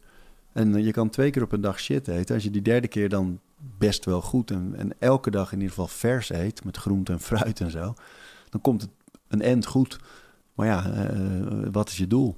Dus die man die eh, in ieder geval een paar keer in de week flink bier wil drinken, eh, vette dingen wil eten, dingen zonder voedingswaarde, dingen die allemaal flats en één kleur zijn, maar dat wil hij toch een paar keer in de week blijven doen, dan moet hij al die andere dagen flink aan de verse dingen ja. en eh, flink En bewegen dat is en een goed lastig- en dat is een lastig ja, te- ja. Ja, want doordat hij die shit heeft, heeft hij slechte energie. Mhm. Komt hij s'avonds thuis, denkt hij, oh godverdomme, moet ik nu nog koken? Weet je wat, ik bel wel. En dan komt er, wordt er iets gebracht en dat is ook weer niet heel sterk. En voordat je weet zit je in die cirkel en dwarrel je naar beneden. En is het ja, moeilijk opkrabbelen. Terwijl de andere kant op, en iedereen heeft het wel eens gevoeld... eet je goed, slaap je goed, beweeg je veel... dan voel je je ineens heel machtig. Mhm, En denk je, ja. hey, ik kom de gym uitlopen. Je lijkt letterlijk een paar extra uren in je dag te hebben. Ja. Op de, op de, Ja. op de een of andere manier. Maar het interessante van de vraag, die ja, voor mij ook altijd nog een onderzoek is... hoe krijg je mensen dat ze dat ervaren hebben en dat ze het vasthouden? Mhm. In plaats van toch weer terugvallen, Mhm. toch weer. En ik denk dat dat ermee te maken heeft dat als je te veel hangt aan een gym en aan het monotone en monotone en het is allemaal, weet je, het wordt saai en het wordt of je bent even een weekend griep en je bent eruit en je komt er niet meer in. Het kan van alles zijn natuurlijk. Hoe doorbreek je dat? Het is gewoon ja, gedragsverandering. En dat is het allermoeilijkst. Ja, want we hadden het eh, helemaal aan het begin over nurture versus nature. Ja, Eh, ja, volgens die theorie zou je geboren kunnen worden met een gebrek aan discipline. ja, zeker. En dat geldt denk ik voor heel veel mensen. Ja. En dan is je enige houvast ritme. Dus als je dan weet van oké, maar ik ga in ieder geval en, en doelen stellen. Misschien is dat het wel meer nog. Dat je weet, mijn doel is niet een sixpack krijgen. Of mijn doel is niet een bikini. Of mijn doel is niet eh, grotere packs. Of wat dan ook. Of eh, mijn doel is, weet je wat, vanaf nu ga ik vijf keer in de week een half uur wandelen. Stevig wandelen, vijf keer. Ja. Of mijn doel is, ik wil eh, over drie maanden die 10 kilometer race kunnen rennen. Ja. Eh, en dan moet ik twee keer in de week voor trainen. Dat is een doel. En dat is een heel haalbaar doel. En, en dan werkt het, denk ik. Als je dan een ritme op kan bouwen om naar dat doel toe te werken, dan heb je iets heel concreets in handen, wat gewoon haalbaar is voor iedereen. Denk jij dat er in Nederland, want jij zit natuurlijk in Amsterdam, waarmee je volgens mij eh, ja, niet bepaald te maken hebt met een dwarsdoorsnede Nee. van de Nederlandse bevolking. Nee. Ehm, ehm, eh, maar een van de, een van de eh, sluipmoordenaars in Amerika is definitely het dieet. Ja. Eh, is dat, is dat in, denk je dat dat in Nederland hetzelfde zo is? ja, zeker hoor. Kijk, er zijn twee dingen, denk ik, die, het, dieet en het zitten. En eh, dat wij eh, nu, ik wilde niet die guy zijn. en, en binnen een uur opstaan, even een paar rechtsoefeningen en weer gaan zitten. Hoezo? Je Dus hebt ik- je gewoon aan banden ik- laten leggen door ja, Twan. Ja, ja, ja, ja. Laat je niet zo lullen door Twan, jongen. Die man is een tiran. Twan de tiran. Tiran de Twan. Tiran Twan. Ehm, maar weet je, de meeste mensen zitten langer op een dag dan dat ze s'nachts slapen. En dat is eigenlijk heel bizar. En eh, natuurlijk, vroeger met, met arbeid en fietsen en waren Mm. we veel actiever en dus ook veel minder dik en veel minder. En dan dat dieet erbij, de gemakzucht en de, de verkeerde voedingsstoffen, veel minder eh, echte producten, veel meer fabrieksproducten, gemakzucht, waardoor, eh, of gehaast eten, schrokken, gedachteloos schrokken bij een scherm, weet je wel. Dat zijn allemaal dingen die gewoon aanvallen zijn op je lichaam. En die twee bij elkaar, dat zijn, eh, dat zijn moeilijk te weerstaande Ja. speren die op je afkomen. En, maar het is natuurlijk wel allemaal te voor- doorbreken met een, met een goed ritme. Dus als je moeite hebt met eten, dan moet je misschien ook wel gewoon een, een weekschema maken. Dat je zegt, eh, weet je wat, ik, ga, ik kan alleen maar in het weekend boodschappen doen, maar dan haal ik voor de hele week. Dus ik zorg dat ik genoeg groente heb voor de komende vier, vijf dagen. Genoeg fruit. Dat ik weet, maandag eten we dit, dinsdag eten we dat, woensdag eten we... Is saai, maar ja, als je hulp nodig hebt, dan moet je soms durven een beetje saaier. Hoe, hoe, hoe, doe jij dit, hoe doe jij dit zelf? Ik denk graag dat jij dit eh, met houtskool... zonder shirt buiten na het houthakken ergens opschrijft. Maar heb, jij, heb je een app of is het... Is het, is het... Nee, nee, nee. Dit doen wij echt eh, thuis. We hebben gewoon een paar gerechten en eh, die wisselen we af. En we zorgen wel... De enige waar wij voor zorgen is dat elke dag verse groenten zijn en elke dag fruit. Hmm. En, ehm, en verder, wij eten geen vlees thuis. Eh, mijn kinderen ook niet. En, eh, dus we zorgen wel voor vleesvervangers. Shit, daar zijn we nu veel te laat over begonnen. Ja, ja. Dat wilde ik namelijk wel eens van, want, want daar merkte ik zelf, ehm, toen ik eigenlijk vlak voordat ik... eh, eh, hey, jij maakt, maak jij vliegjes dood? Nee, hij leeft nog. Ja, Ja, maar, doe, doe je het in principe? Maak jij in principe Nee. vliegjes? Oh nee, man. Ik Ah. was vorige week was ik met mijn dochter aan het lopen. En Ja. toen kwam, eh, die ging op een bankje zitten. kwam er een oma met een meisje. Het meisje ging bij mijn dochter op dat bankje. En die zag een spinnetje lopen. En die slaat zo die spin. Mijn dochter begon te huilen. En keek naar die oma. En zei, wat doet zij? Ja. Het is dat nog nooit gezien, joh. Nee. Dus voorlopig houden we dat En toen heb je oma gesmekt. Ja, kopstoot. Paboom. Eh, oh ja, vlees. Ja. nee, ja, dus, dus, dus in, in mijn, eh, in mijn eh, meest eh, fitte periode, toen ik heel erg, heel erg fanatiek aan het trainen was, ook niet heel veel anders om, het, om, om, noem je dat, om handen had. Dus ik kon ook mooi gewoon even daar mijn focus op leggen. Maar, en toen was ik dus basically, laat ik zeggen, als consument nu vind ik zeg maar voor de wereld een van de soort ergste. Ik was gewoon alle kilo knallers de hele dag aan het eten. Het is wat, wat, ik, ik, ik, ik, ik, kookte gewoon eh, genoeg quinoa aan het begin van de dag. Wat ik dan later per ging naar de supermarkt, kocht ik kipfilet uit een pakje. Gewoon echt de worst. Sneek in stukjes, gooide ik door de eh, quinoa heen. eh, deed ik avocado bij, wat, wat sla bij, lap. En dat deed ik in één tyfusgrote bak. En dat at ik dan eigenlijk de hele dag. Dus gewoon een soort van... Dat begon ik mee en daar eindigde ik ook min of meer mee. Dus ik deed gewoon niks anders. Maar dat was wel Ja. gewoon safe. Ja. Als in, ik, ja, ik, voor mijn gevoel was ik een soort van... Ja, maar dan heb je al wel dat ritme en de duidelijkheid. Toch? Je hoeft er niet meer over na te denken. was, het duurde echt precies vijf minuten Ja. s ochtends quinoa koken. Dan was het gewoon. Dan gooide ik in een bak en dan ging ik als, gewoon als een zombie naar de supermarkt. Kocht ik elke dag dezelfde shit. Maar goed, toen dacht ik ineens van... hé, hey, wacht, ik, ik ben helemaal niet blij met de, de, hoe het gaat met Nee. dieren. Dus ik ging over dieren nadenken. Maar dat, maakt, dat maakte het wel meteen heel lastig. Is het ook, ja. Ik heb nu zelf, kijk, ehm, we eten geen vlees. En inderdaad, vanwege dieren, vanwege de druk op het milieu. eh, Ook vanwege dat ik niet zelf de verantwoordelijkheid zou willen en kunnen nemen om een dier te doden. Mhm. Eet nog wel vis, dus dat is een beetje tegenstrijdig. Nou, ik weet niet, je zou er denk ik wel een vis van Een vis durf ik durven wel te vangen, ja, Ja, ja, weet je. En, ehm, en ik eet heel veel kwark, heel veel eh, eh, eieren ook toch wel nog altijd. Dan kies ik wel altijd biologische eh, Hmm. varianten. Hebt geen kip? mogelijk. Nee. nee, zo erg is het allemaal nog niet. En ik denk wel, ik ben wel dol op melkproducten. Ook omdat ik weet, als, als dat goed zit, weet je, daar zijn geen dieren voor gestorven in ieder geval. En Ja. Ik denk wel dat we als samenleving uiteindelijk wel steeds meer richting plant-based gaan natuurlijk. Ja, Zoveel ja. mogelijk plantaardig. Maar, en ik vind geen vlees eten niet meer moeilijk. Het enige wat ik wel doe als ik op reis ben voor een programma of zo... en eh, ze eten in die cultuur veel vlees. Ik was in Gambia en haalden ze uit een ander dorp een kip omdat wij er waren. Dan ga ik niet zeggen, ik eet Nee, geen ja, kip. Precies. Weet je wel? Dat, dus daar ben ik wel, ben niet keihard daarin in de lijnen. Maar bij, ja, dat bevalt eigenlijk Nee, wel maar dat, volgens mij maakt dat ook niet per se sens. Ik heb precies hetzelfde. Ik was in Suriname vorig precies Ja. nu een jaar geleden. En ja, dat was ook, we gingen met een bootje, eh, een rivier, bla, Ja. werd een telefoontje gepleegd naar een of andere tante die eten ging maken. Toen kwamen we daar aan en toen stond er een bord, voor iedereen een bord met nasi met daarop kip. Ja, Ja, toen zei ik ook tegen mijn vriend, ja, dit gaan we wel eten. ja, Weet je, want dit was waarschijnlijk wel gewoon die kip die niet meer liep ja. in die tuin waar nog wel andere kippen liepen, weet je. Dus ik dacht van ja, dit is niet zo'n, dit, Nee, dit, is dan niet. de kip, dit, is het, dit is zoals je het kunt eten, ja. weet je. Bovendien heeft die kip waarschijnlijk een heel ander leven gehad. Dat, dat, ja, ja. ja, nee, dat bedoel ik. voor mij dat is precies erg wat ik bedoel. Ja. Maar, maar eh, wat ik, eh, het, ik, heb, ik ervaar het wel als lastiger om goed te eten als je eh, vegetariër bent. Ja, maar dat hoeft echt niet. Daarom denk ik dat je die Richard eens uit moet nodigen. Want die, eh, die is daar echt ook goed in. Om dat uit te leggen. En, eh, en, en ook te laten zien dat bijvoorbeeld vezels... Dan denkt iedereen, je moet een beetje brood eten... want dan Mm. krijg je tarwe en vezels binnen. En Ja. er zit in groenten veel meer vezels. Ja. Veel meer. Je, In allerlei groenten en in allerlei fruit vind je ze ook gewoon.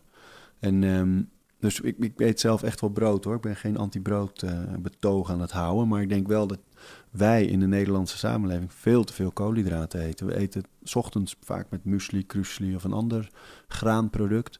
Dan smiddags brood. S'avonds vaak nog eh, aardappelen, pasta's, rijst eh, of, of nog weer meer brood. En dat krijg je gewoon niet verbrand. Dus, dus is het gevolg dat iemand op zijn dertigste denkt... hé, hey, mijn lichaam verandert en op zijn veertigste dik is... pijntjes ontwikkelt. Dat is allemaal niet nodig als je Mm. goed kijkt naar wat je eet... en vooral die koolhydraten. En daar wat voor mij het best werkt... is om te zorgen dat die avondmaaltijd licht is. Dus ik lunch liever zwaarder dan, eh, dan dat ik avondeten zwaar... want dan krijg je gewoon niet meer verbrand... tussen de avondmaaltijd en de bedtijd. Dus het is lastig, maar het is wel echt haalbaar... als je een beetje weet wat zit waarin. En dat je ook eh, een paar evergreens in huis hebt. Dus je noemt avocado. Ja, die is perfect om in Ja. huis te hebben. Er zit een goede olie en vetten in. Er zit ook gewoon eh, vezels en allerlei andere dingen gewoon in. Dat is een hele goede. Ik heb zelf altijd echt ook, ja, dan wel weer een melkproduct, maar veel kwark thuis. Ja. Ik heb, eh, En je zegt dan wel weer melkproduct, hou je daar rekening met? Want, Ja. want melk, namelijk, ik bedoel, de, de, de, laat ik zeggen, met mijn vriendin, eh, wij zijn ook allebei vegetariër. En zij, zij heeft zo mogelijk daar eigenlijk nog meer issues mee dan... eh, en wij eten trouwens ook dus nog steeds wel kwark, maar vinden het eigenlijk heel kut. ja, Laat ik zeggen, omdat melkkoeien, wat melkkoeien moeten meemaken, is eh, Ja. ja. misschien, ja, maar het is allemaal kut, maar er dat is is nog wel een verschil tussen de echte bio-bio-industrie, waar ze echt veel te dicht op elkaar en verkeerd worden. Ja, Als je bijvoorbeeld bij een boerenbedrijf in sommige delen van ons land gaat kijken, er, er zijn echt, dat zijn ook echt wel mensen die van hun dieren houden en ervoor zorgen dat ze goed.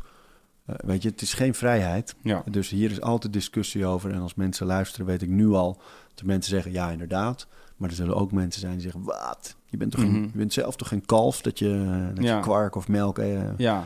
eet? Ja, en het is ook vooral mijn vriendin heeft altijd zo van, ja, wanneer geeft een melk, een koe melk? Ja.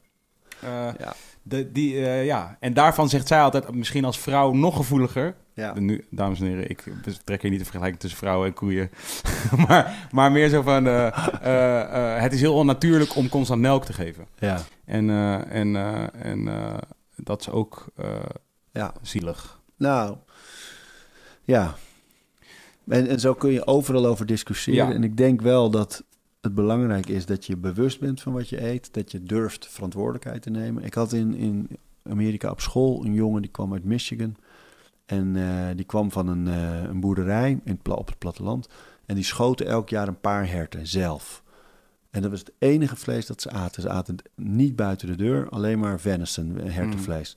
En de ingewanden liet hij liggen voor de vossen in het bos. Het gewei gebruikte die voor knopen en andere Mhm. dingen. De, de vellen gebruikten ze. Die gebruikten zeven of acht herten per Ja, jaar ja. volledig. En hij zei, en ik neem zelf de verantwoordelijkheid. En jullie gaan naar Burger King, McDonald's, Wendy's. En wie heeft die dieren gedood? Waar komt het vandaan? Nou, Op het moment dat ik zelf die verantwoordelijkheid zou kunnen nemen of durf te nemen, dan is het voor mij in ieder geval nu nog in deze fase van mijn leven oké. Zo, heb je nog nooit geprobeerd? Om een dier te slaan? te Ja, doden? jawel, jawel. Ik heb in Amerika ook wel gejaagd. En eh, toen was ik jonger en onbezonnen. Toen vond ik het ook wel iets hebben, weet je wel. Ik heb ook wel eens met pijl en boog... eh, Een dier geschoten? nou, eh, niet raak. maar ik was wel aan het jagen. Ja. Ehm, dat ging niet zo goed.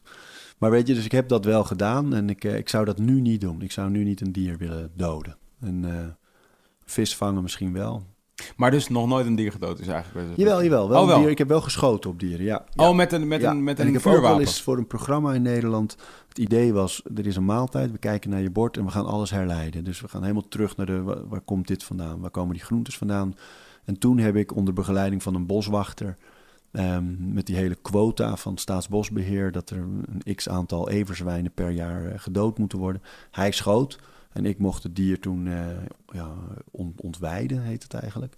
Dus echt met, tot mijn elleboog in dat dier ingewanden eruit halen. Nog helemaal warm. Kogelgat zag je zo. Dat was wel een heftige ervaring. En die ook wel heel ja, primair voelde. Mhm. Dus ik vond het wel een waardevolle ervaring. Maar ook dat zou ik op dit moment niet doen. Ik ben daar toch wel heel erg anders over gaan denken allemaal. Hoe je met dieren sinds, en je, sinds, je, sinds je vegetariër bent. Of eigenlijk daarvoor al en toen werd je ook vegetariër. Ja, en ook dat natuurlijk is er zo'n quotum. eh, dat er 250 precies. of zo per jaar. Maar hoe komt die quotum? Mm. Omdat wij er een potje van hebben gemaakt. We hebben er veel te veel laten komen. Ja. We voederen ze van alles. Weet je wel, dat is gewoon eigen schuld. En dan gaan we het ook weer zelf reguleren. Ja, zo kan ik het ook. ja. Dus, dus er- er is veel. Ik, ik merk wel, ik stoor me heel erg aan eh, als dan bijvoorbeeld bepaalde eh, hele strenge veganisten je echt gaan terechtwijzen. Hè? Als je, Mm. eh, als je iets met melkproducten doet of zo. Daar, daar, aan die toon eh, ben ik het nooit mee eens. ja. Maar ik vind wel dat je constant ook daar moet blijven vragen van eh, waarom eet ik dit en waar komt het vandaan? ja. Wat voor product is dit? Sta ik hierachter? Uh, is dit oké? Weet je wel? En helaas wordt eten daardoor wel steeds meer echt iets waar je misschien wel te veel mee bezig moet zijn. Eten moet ook over lekker proeven en lekker doen gaan. Mm. Maar ja, dit is nou eenmaal de tijd van, eh, van nieuwe grenzen en nieuwe perken stellen. Dus daar hoort dat gewoon bij. Bedankt voor het komen, Arie. Twan schudt zijn hoofd. Jullie mogen niet meer. We mogen niet meer. Nou ja, je moet ook naar huis op een Ja. gegeven moment. Laat is het dan. Ja, eh, dat- ik weet het niet. Het is tien over tien. Nou, Oh, je, oh. zijn, zijn er al over normaal tien al in minuten. bed hoor. 10 minuten. Nee. Bedankt voor het komen. Ik heb, ook, ik heb echt het gevoel, ik heb, er, zijn, er zijn echt eh, wel honderd. Dus je gaat wel op een keer ooit een keer terug moeten komen. Want ik- Vind ik leuk. ja, ik ging langzamer. eh, mijn, mijn, eh, de woorden kwamen er sneller uit dan dat ik kon denken. Maar dat is ook weer zoiets waarvan ik eh, weet. Dat zijn ook mijn indicatoren altijd. Dat ik denk, oh ja, oké. Ja, Dan gaat het allemaal. eh, dan hou ik het eigenlijk mezelf niet meer bij. Maar goed, daar hebben we het nog een keer over. Thanks voor het het leuk. komen. Dank voor de uitnodiging. Sure.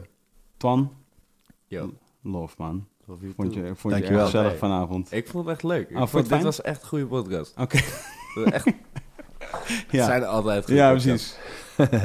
Vorige week, eh, ja, de, de, de, Twan was vorige week, eh, was, Twan was vorige week een beetje boos op onze gast. Nee, nee, dat is niet waar. Jawel. Dat is wel waar. Dat is wel waar. Maar nee, dat, was, dat, was, dat was dus mijn, mijn moment van zwakheid. Dat ik gewoon zelf niet zo lekker Je ging. was in een buitje, hè? Je was ook in een Ik buitje. was wel in een bijtje. Maar hij drukte ook op alle knoppen. Hij drukte wel op een paar knopjes, Ja. inderdaad. Waardoor Maar ik allegorische knoppen?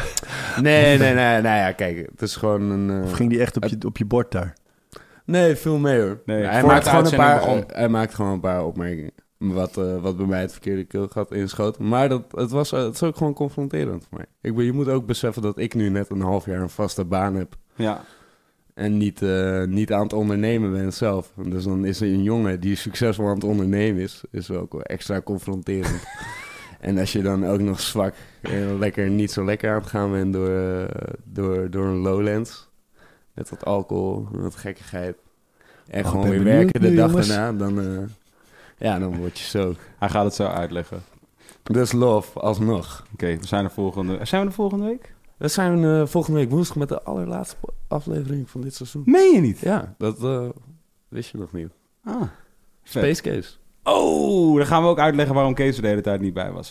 Voor nu was dit Wilde Haren, de podcast. Tot volgende week.